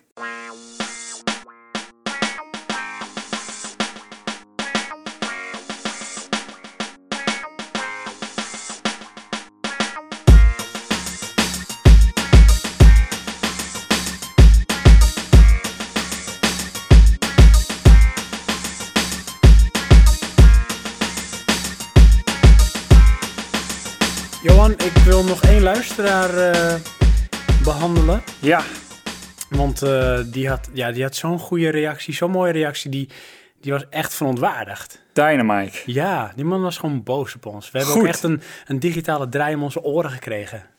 Goed, die onzin. Ja, daar moet ik even een klein beetje uitleg bij geven. Hij had eh, eerst op de stelling gereageerd met onzin, punt. Toen bleef het een dag stil. Toen dacht ik van, oké, nou, Bedankt voor je bijdrage. bedankt voor je bijdrage. maar dat was meer een soort reminder voor hemzelf van, hier ga ik nog even op terugkomen. En eh, dan gaat hij dus verder op waarom hij het onzin vindt. Ja, nou, ik eh, vind het eigenlijk wel grappig, want ik had het dus nog niet goed gelezen. Maar in feite eh, maakt hij dezelfde stelling die wij doen, in de zin van ehm, de hardware dicteert een bepaalde ontwikkeling. En nou maakt hij daar de nuance in dat er, eh, er komt iets nieuws bij, dus alles moet 3D. En daardoor valt er iets ouds weg, bijvoorbeeld de 2D-platformen. Maar hij wil toch wel echt duidelijk specificeren dat eh, niet alles waar een wapen is per se een shooter is. Dus dat er niet alleen maar shooters gemaakt worden. Eh, neem een Division, wat dan eh, een cover-based shooter is. Ja, in mijn ogen is, tenminste, ik, ik hoop dat Division meer een, een RPG gehaald heeft. Of eigenlijk een, een exploration eh, verhaal is. ik zie dat nu meer als een Destiny in New York. Nou, nee, ik vind, Destiny vind ik dan weer meer een shooter. Tenminste, het beeld wat ik ervan heb, want ik heb het niet gespeeld. Oké. Ehm, wat ik toch eh, de laatste tijd een beetje meer zoek is, eh, en dat refereert dan voor mij toch eh, met die Division aan de eerste trailer, een beetje rondlopen in de verlatenheid. Ja, En dan dingen tegenkomen en daarop moeten reageren. ja. Maar niet van, oké, we gaan weer even lekker knallen. Want dan speel ik wel Battlefield. Ja, hij is dus Dynamite, maar daar begonnen we eigenlijk wel. Eh, van mening dat het eh, toch juist heel divers is in de nuances. Dus eh, misschien dat wij in zijn ogen dan wat te kort door de bocht gaan. Door juist wat we inderdaad zeggen van... hé, hey, nou ja, heb je weer de zoveelste shooter? Of heb je weer de zoveelste adventure game? Maar niet elke game waarin je tegen een rotsblok opklimt is een adventure game. Maar dat kan Ja. ook wel weer andere elementen in zich hebben. Ja, oké, maar ik denk dat ook de, de oorsprong van onze stelling, ehm, als ik dan naar mezelf kijk, is eigenlijk: vind je nou nog echt iets onderscheidend?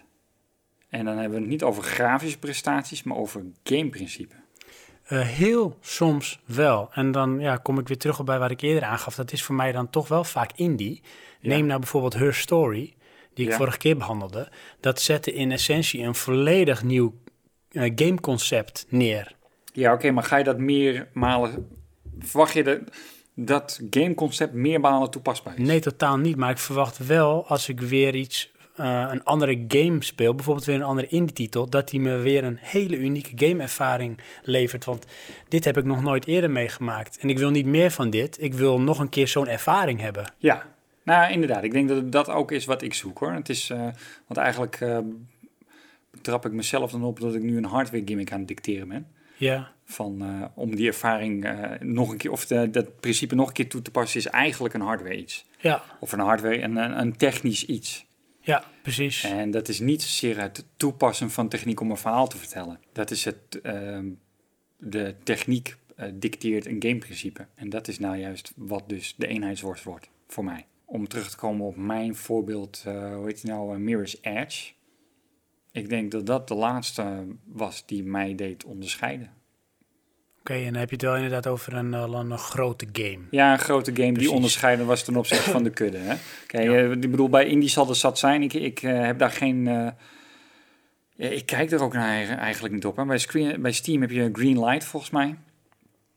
Ik kijk er nooit. Oké. Ik heb ook geen zin om naar indie games te zoeken van... Wat zijn hier de pareltjes? Kijk, ik speel, en dat kreeg ik natuurlijk als digitale draaiende oren van eh Dynamite. Ik speel vooral adventure games als het even kan. Ja, Nou, dat was voorheen natuurlijk altijd op PC, maar tegenwoordig leent ook eh, de iPad zich daar echt prima voor. En ehm, ja, maar dat is eigenlijk een indie-markt. ja, klopt. Het is wel een groot deel in die markt, absoluut. Hoewel je wel ziet dat sommige van die titels ook gewoon als, eh, ja, als, als, als platform, op de platform als een PlayStation en Xbox uitkomen. Neem bijvoorbeeld de Telltale Games. Oké, ja. Ehm, of andere adventure games. Maar eh, dat is natuurlijk... Point-and-click is ook wel redelijk eenheidsworst. Alleen daarin vind ik... eh, het verhaal is altijd leidend. En dat kan daarin ook heel onderscheidend zijn. En je kunt daarin bepaalde eh, game mechanics instoppen... die daar ook iets onderscheidends in aanbrengen in het, in het adventure deel. Los daarvan dat het point-and-click blijft in veel gevallen. Ja, maar dan is toch het verhaal is eigenlijk eigenlijk leidend voor de game. Absoluut. En niet Kijk, zozeer de techniek. Nee, maar eh, stel je voor dat je de keuze hebt om keuzes te maken waardoor je meerdere eindes hebt. Dat biedt al iets interessants wat afwijkend kan zijn. Ja, Of- maar vi- vind je dat ook zo? Want ik, eh, de, weet je, bij de eerste keer dat we daarmee in aanraking kwamen, was echt van, nou, dat is tof. Dan heb je meerdere eindes. Ja. Maar ja, uiteindelijk is het van, hoe vaak ga je dat doen? Ja, niet vaak. Ik weet nog, als ik echt naar lang terugdenk, eh, heb je bijvoorbeeld die 11th Hour. En dan kon je volgens mij, eh, dat spel kun je op vijf manieren uitspelen. Maar het was eigenlijk meer van, je speelt het spel tot de laatste scène... en dan had je een keuze uit een van de vijf deuren. Ja, En dan ga je zorgen van, dan ga je al die deuren een keertje af. ja, precies. Maar dat doe je op het laatste stukje, ja. En een andere adventure, soort point-and-click die iets heel nieuws bracht, waardoor het echt onderscheidend was, was voor mij Phantasmagoria. Vanwege echt van eh, de gore, Ja, oké. hoe grof het was. Ja. Dat had ik ook nog nooit gezien in een game. Nee, nou, dat, dat weet je, oh, speaking of that, dat had ik met ehm, Kingpin. Oh ja, Weet je wel? Dat ze... als een first-person shooter, maar dan echt snoeihard. Ja, en vloeken en schelden. Ja, Oei, of, of. Ja, die Dat moeten echt die moeten we oh, wacht even, betaal voor die andere gast, die schiet jou dood. ja. ja. nou, inderdaad. Ja. Ja, dat was, en als, als eh, ik nu kijk, de- er is nu een game uit. En eh, ik hoop dat die heel snel uitkomt op eh, iOS. En dat is Stasis. Oké, ken ik niet. En dat is een ehm, isometrische ehm, eh, point-and-click adventure. Oké, Dus schuin van boven. ja. Speelt zich af in eh, een ruimteschip. En het heeft echt de vibe en de sfeer van eh, Alien. Of een soort space horror. Oké, dat ken, ken ik misschien dan weer wel. Tenminste, heb ik bij Game Kings langs zien komen, dacht Ja, ik. dat- het verhaal ontpopt zich door, doordat er gebeuren dingen, vooral met het geluid en het beeld, waardoor je echt denkt van wat gaat hier gebeuren of wat is hier aan de hand. Je hoort geschreeuw en je, je ziet op een gegeven moment een, een ruimte met heel veel bloed en lichaamsdelen en weet ik wat. En ja, dat, dat geeft toch wel een bepaalde sfeer en vibe die je niet standaard in, in de meeste point-and-click adventures als het ware tegenkomt. En nog één voorbeeld dan, hè? Want- eentje dan, ja? eh, om, ik ga het gewoon ook voor mezelf opnemen van, nou, weet je, los dat ik alleen maar op de iPad speel, daar zit wel heel veel variatie Oh, ja, in. dat wou ik, eh, dat borrelde naar boven. Was je nou laatst op Steam? Ja, Oké. heb je me gezien? Ja, ik was helemaal shocked. Je denkt, hey, waar, hij, hij is er. Ja, Ik was nog even aan het kijken naar mijn backlog, die niet heel groot is. ja die ene en game, eh, ja. ik heb eh, die ene game, eh, die Edna en Huppelep, Harvey en Edna, van Harvey's New Eyes of zo. Hè? Ik had die soort pack gekocht van Daedalus met Ja. een aantal adventures. Oké, ja. En een daarvan was ik dus begonnen, dat was die eh, Edna en Harvey.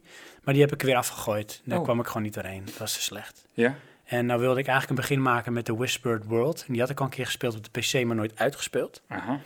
Alleen ik had zoiets van, nee, wacht, ik heb eigenlijk niet zo heel veel tijd. Ja, Dus en dan zit je er half in. Ja, Dat was voor mij de ondergang van Final Fantasy 8. Oké, te Dus weinig. toen mijn stop had ik geen tijd en toen, ja, toen kwam ik er niet meer in. Nee, zonde kan dat zijn. Ja, Ja. Leiden, binnenkezen. Maar op de, de iPad ben ik nu bezig met een andere game, of eigenlijk op de iPhone. Aha. En eh, dat is eh, Mesh. En dat is een eh, puzzelspelletje. Ja. Maar die is echt super zen. Sterker nog, je hebt ook echt de, de zen-modus. Dan heb je geen tijd waar je tegen strijdt. Oké. Maar wel hele relaxe muziek. En wat het eigenlijk is, je hebt ehm, vormpjes, nou noem het maar een soort met zes hoeken. En ehm, daar zitten getalletjes in. En je hebt één getal in het midden, een eh, wit vlak met een blauw getal erin. En dat is leading, bijvoorbeeld drie. En Ja. dan heb je een aantal getalletjes daaromheen. En daar moet je bepaalde eh rekensommetjes mee maken, dan dat er drie uitkomt. Ja. Dus het kan zijn dat er bijvoorbeeld een eh, 2 en een 1 zijn. En die kun je dan bij elkaar op laten tellen, komt er 3 uit. Maar ehm, dat gebeurt alleen als beide eh, cijfers dezelfde kleur hebben. Dus als beide cijfers rood zijn, dan betekent het optellen. Maar als ik dubbelklik op 1, dan wordt die in plaats van rood wordt die blauw. En dat betekent dat als ik eh, blauw eh, bij geel haal, dat ze van elkaar aftrekken. En zo moet je dus op een gegeven moment meerdere cijfers proberen dat ene getal wat in het wit eh, vak zit, om dat te, te, te maken. Ja. En het kan zijn van, nou, ik doe het met alle cijfertjes die ik zie en dan kom ik op dat getal uit. Maar het kan ook zijn van, nou, die drie bij elkaar is dat getal, die twee bij elkaar zijn dat getal. Dat mag dan ook. Dan heb je twee keer dat je dat getal bereikt. En zo kun je punten scoren. En het leuke is als je dan op een gegeven moment eh, genoeg punten hebt, ga je naar het volgende level. En elk level, dan moet je weer zoveel punten halen. Maar dat wordt eh, vertegenwoordigd door een soort origami eh, dier. Dus een dier wat in origami gevouwen is. Ja. En eh, nou, dat zie je alleen als een plaatje, maar dat biedt op een of andere manier zo zen-ervaring. Oké. Dat ik denk van nou, ook zoiets, los van het is een puzzelspel en daar zijn er honderd van. Dit doet het op een bepaalde manier met een, een, een soort gimmick of een manier van. Dat is eigenlijk weer helemaal vernieuwend. Ja. Wat nou eenheidsworst? Ik heb een game op mijn mobiel staan, die heet 2048. En dat is dus ook een rekenspelletje. Daar heb je dus eh, blokjes. En dan kan je swipen naar links, naar rechts, naar onder en naar boven. En eh, getallen van dezelfde waarde tellen bij elkaar op. Maar als je swipet, ontstaat er dus ook een nieuw getal ergens. eh, random. En dat is dus dan 2. Als je twee twee's tegen elkaar hebt, dus eh, naast elkaar en je swipe naar links of rechts, dan tellen die bij elkaar op, wordt het 4. En zo moet je iedere keer dan een 4 en een 4 bij elkaar optellen, 8 en een 8, 16. En zo ga je dan door totdat je 2048 zou krijgen. Dan heb Oh, je, op die manier. Ja, en ehm, dat telt er bij elkaar op en krijg je een score. Eh, terwijl ik dit vertel, besef ik mij van hoe laag zijn we gezonken dat we dat soort spelletjes spelen. Ehm, maar daarnaast heeft mijn vrouw nu een hogere score dan mij Ja, met dit wiskundige spelletje. Eh, Dat is zo frustrerend. de ik heat is on. Dit, oh man, dit moet beter. ja. Alleen het duurt heel lang om hoge scores te krijgen. ja, dat kan me voorstellen. Hoewel natuurlijk eh, de score wordt natuurlijk wel een soort bijna, ehm, eh, eh, hoe noem je dat? Exponentieel hoger. Ja, alleen het, 16, 16, het dus, je hebt maar 64. zoveel vakjes, snap je? Ja. En als je dan swipet naar een richting, dan komt er ergens in de lege vakjes een getal bij. Maar die blokkeert dan dus de verplaatsing van de andere getallen. Ja. En dat is dus ook de moeilijkheid. Je moet een soort van anticiperen op wat er komen gaat, maar waar dat getal ontstaat is random. Ja. En ehm, ja, ik vind het inmiddels ook niet echt meer leuk. Ik vind het nu vooral frustrerend dat ik een lagere score heb dan mijn vrouw. ja, tuurlijk. Ja, dat is ook wel een goed spelelement daarin dan. Hè? Ja, ja dat beschouw ik niet als eenheidsworst. Dat is meer degene die, eh, ehm, en dat geldt eigenlijk voor al mijn mobiele games, die heb, eh, hebben het experiment overleefd. Om de zoveel tijd download ik iets kijken van is dit een leuk spelletje? En dan meestal na drie seconden denk ik al vandaag. Ik speel ook eigenlijk alleen maar puzzelspelletjes. Ja, daar leent zich natuurlijk perfect ook voor, hè, wat dat betreft. Ja, voor korte speelsessies die redelijk verslaafd kunnen zijn. Ik had dat toen ook met een eh, zo'n ehm, zo'n schuifpuzzelspel op de iPhone. ja met En dan had blokjes. je, eh, ja, je had bijvoorbeeld één blok die moest door een uitgang, maar daarvoor moest je andere blokken steeds verschuiven zodat dat blokje door kon naar de Ja, uitgang. En eh, dat speelde ik dan gelijktijdig met mijn zwager. Aha. En dan, eh, als de een verder was dan de ander, dan stuurden we elkaar een screenshot van, kijk, ik zit al in dit level. En dan was Oh van, ah man! En dan was het even een half uur stil en dan pop kreeg ik weer een screenshot van hem, want Ja. hij was weer twee levels verder. Ja. En dan bleef je elkaar weer een beetje, zeg maar, eh, tot hoogte drijven van shit, we moeten verder. Ik, Ik had beter. ook zo'n game, alleen het nadeel daarvan, die genereerde dus zelf levels. Dus dat ging oneindig door. Maar op een gegeven moment had ik dus een soort van het gevoel van hoe dat level gegenereerd werd. Dus dan was het blablabla klaar en dan blablabla klaar. Snap ja, je? Dus ja, dan heb je een beetje misschien de, de, de truc heb je door. Ja, en dan was de uitdaging weg en toen heb ik hem eraf gegooid. Want dan is het ook niet meer van... eh, eh, want dat vond ik het goede aan het spel. Het bouwde steeds verder op. Weet je wel, het werd steeds moeilijker. Maar op een gegeven moment had je een bepaalde moeilijkheidsgraad. Daar ging het dan niet meer overheen. Ja, en die haalde ik dan gewoon iedere keer. Ja, en dan heb je eigenlijk het niveau bereikt. Ja, dan is de challenge weg. Weg uitdaging.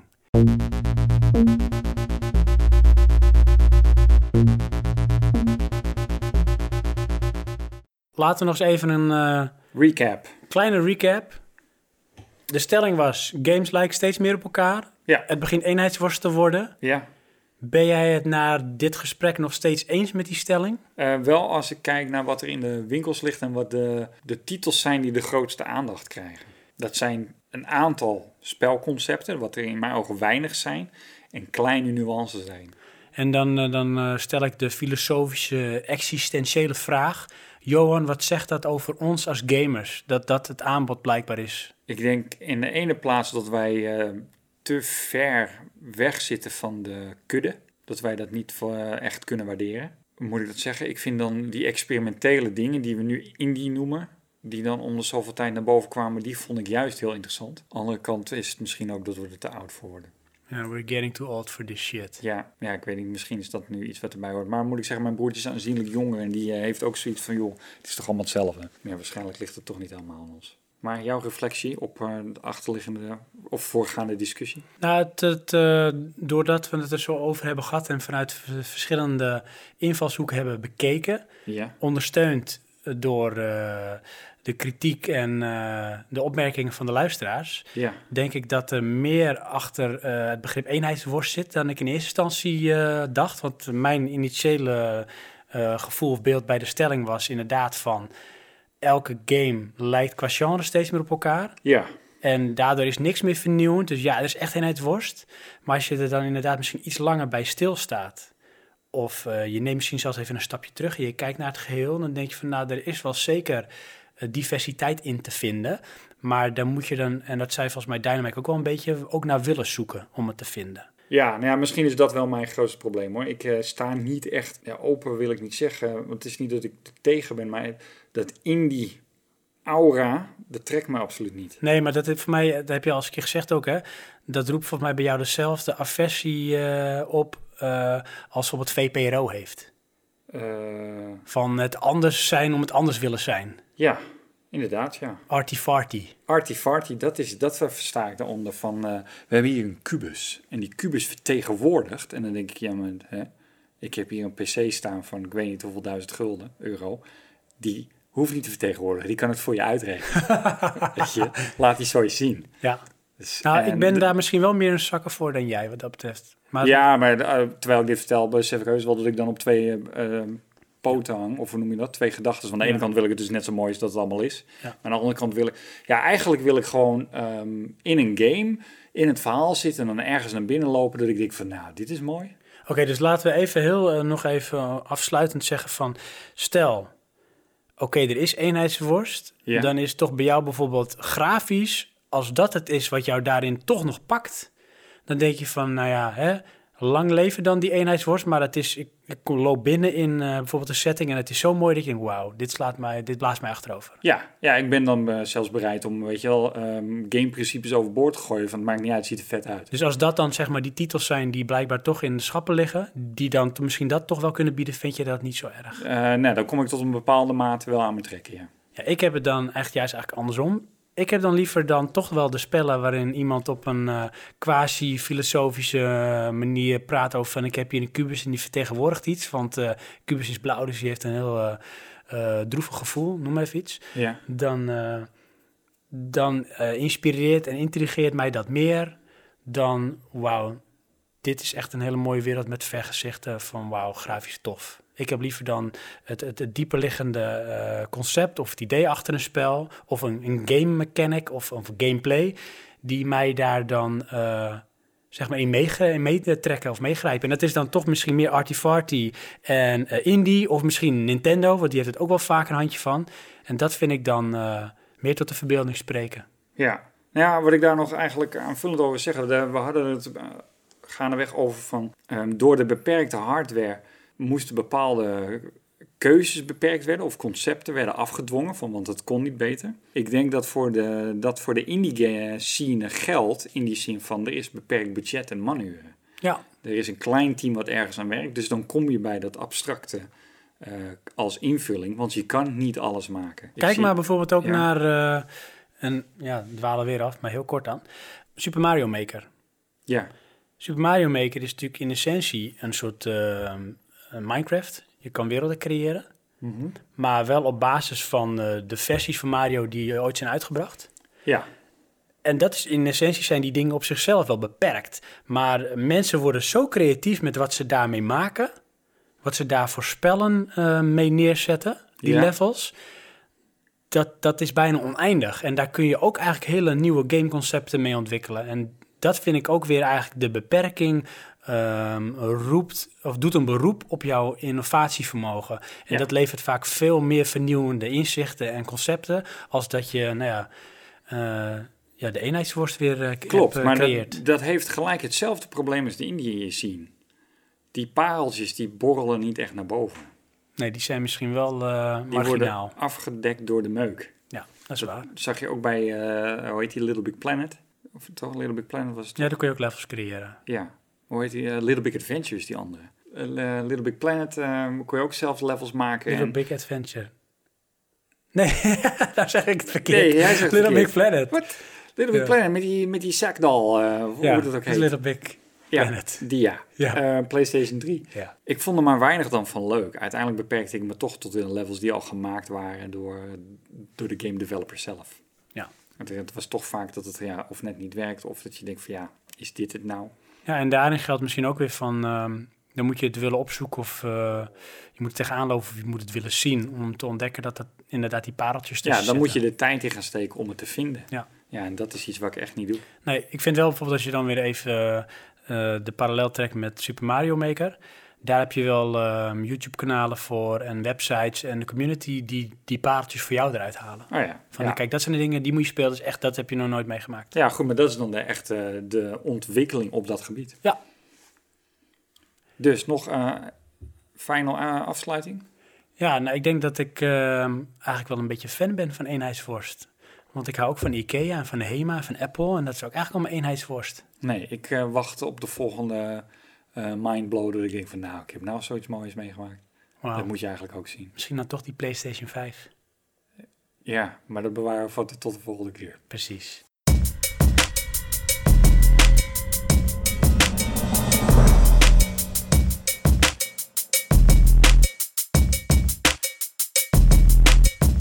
Ehm, Johan, Nou, ja. zullen we nog heel even de huishoudelijke mededelingen doen? Ja.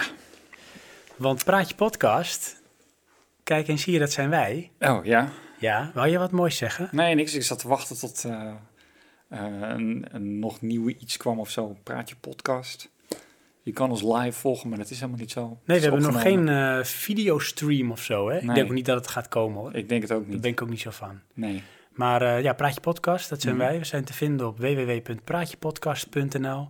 Daarin staan uiteraard ook al onze afleveringen, eh, informatie over vooraankondigingen en misschien final thoughts. Daarnaast eh, ook verwijzingen naar Soundcloud, naar YouTube, en naar ehm, iTunes. Dus abonneer je daar ook op en laat ook een recensie achter met sterren. Ehm, eh, degene die de mooiste recensie schrijft, die wint een prijs. Wat? Je komt in de podcast.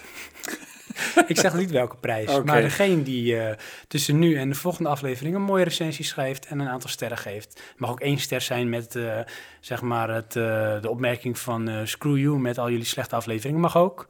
Maar laat Liever je reactie niet. achter, liever natuurlijk niet. En eh, nou, degene met de leukste eh, of beste of meest aangrijpende review, die, eh, die wint een mooie prijs. Oké, nou, ik ben iets minder van het eh, omkopen. Ik ben toch meer van eh, bedankt voor de input. En dan met name in ieder geval Aaphul, Gallius eh, en Dynamite. Ja, en eh, nog één ding naar Dynamite. En alle anderen die eh, wel eh, gepost hebben, maar die ik vergeten ben hier op te Oh noemen. ja, Piers gaf je nog aan inderdaad. Nou, Dynamite, die zei, eh, nou, good luck boys, wat wordt een korte aflevering. Ja. Nou, het is gelukt. Het is geen korte aflevering. Precies. Ehm, ik wou nog een hele kleine hint doen naar de volgende aflevering. Want dat wordt toch wel een beetje een bijzondere, vind ik zelf. Oké. Ja, want in de volgende aflevering van Praatje Podcast gaan we het hebben over muziek. Maar in het bijzonder over muziek maken. Uh-oh. Want jij en Ja. ik hebben natuurlijk ook eh, een verleden eh, met eh, muziek maken Ja, zelf. een ver- verleden als rockgoden. Ja, precies, toen. met onze roadies en al onze fans. Je kent het wel. Maar ehm, ja, met Fast Tracker onder andere. Mhm. En ehm, vriend van de uitzending, Frank Busman, ook. Dus die komt waarschijnlijk ook terug. Ja, is die En- wel nog een trouwe luisteraar? Ja, dat is absoluut trouwe luisteraar. Ja, ja die, eh, die is bijvoorbeeld aan het hardlopen. Ja. En die had laatst ook een hardloopwedstrijd gedaan. Die ik ook zou lopen, maar ik was ziek, dus sorry. En Frank heeft tijdens de hardloopwedstrijd naar Praatje Podcast geluisterd. Ja, maar dat kan ook wel, want zo lang duurt het. Ja, dat bedoel ik. Dat was een marathon. Nee, dat niet hoor. Maar goed, dat had hij gedaan. Dus dat is inderdaad ook een luisteraar van het eerste uur. Ja, we hebben onszelf tot doel gesteld van... we gaan ook ehm, zelf eh, muziek maken. Nee, jij hebt dat als doel gesteld. Precies, en ik heb jullie daarmee belast. Dus jullie gaan het op een of andere manier ook doen. Het zij met iets wat je zeer recentelijk hebt gemaakt... of misschien iets langer geleden. Ik heb mezelf de uitdaging gegeven van... ik ga iets creëren, kijken of het lukt.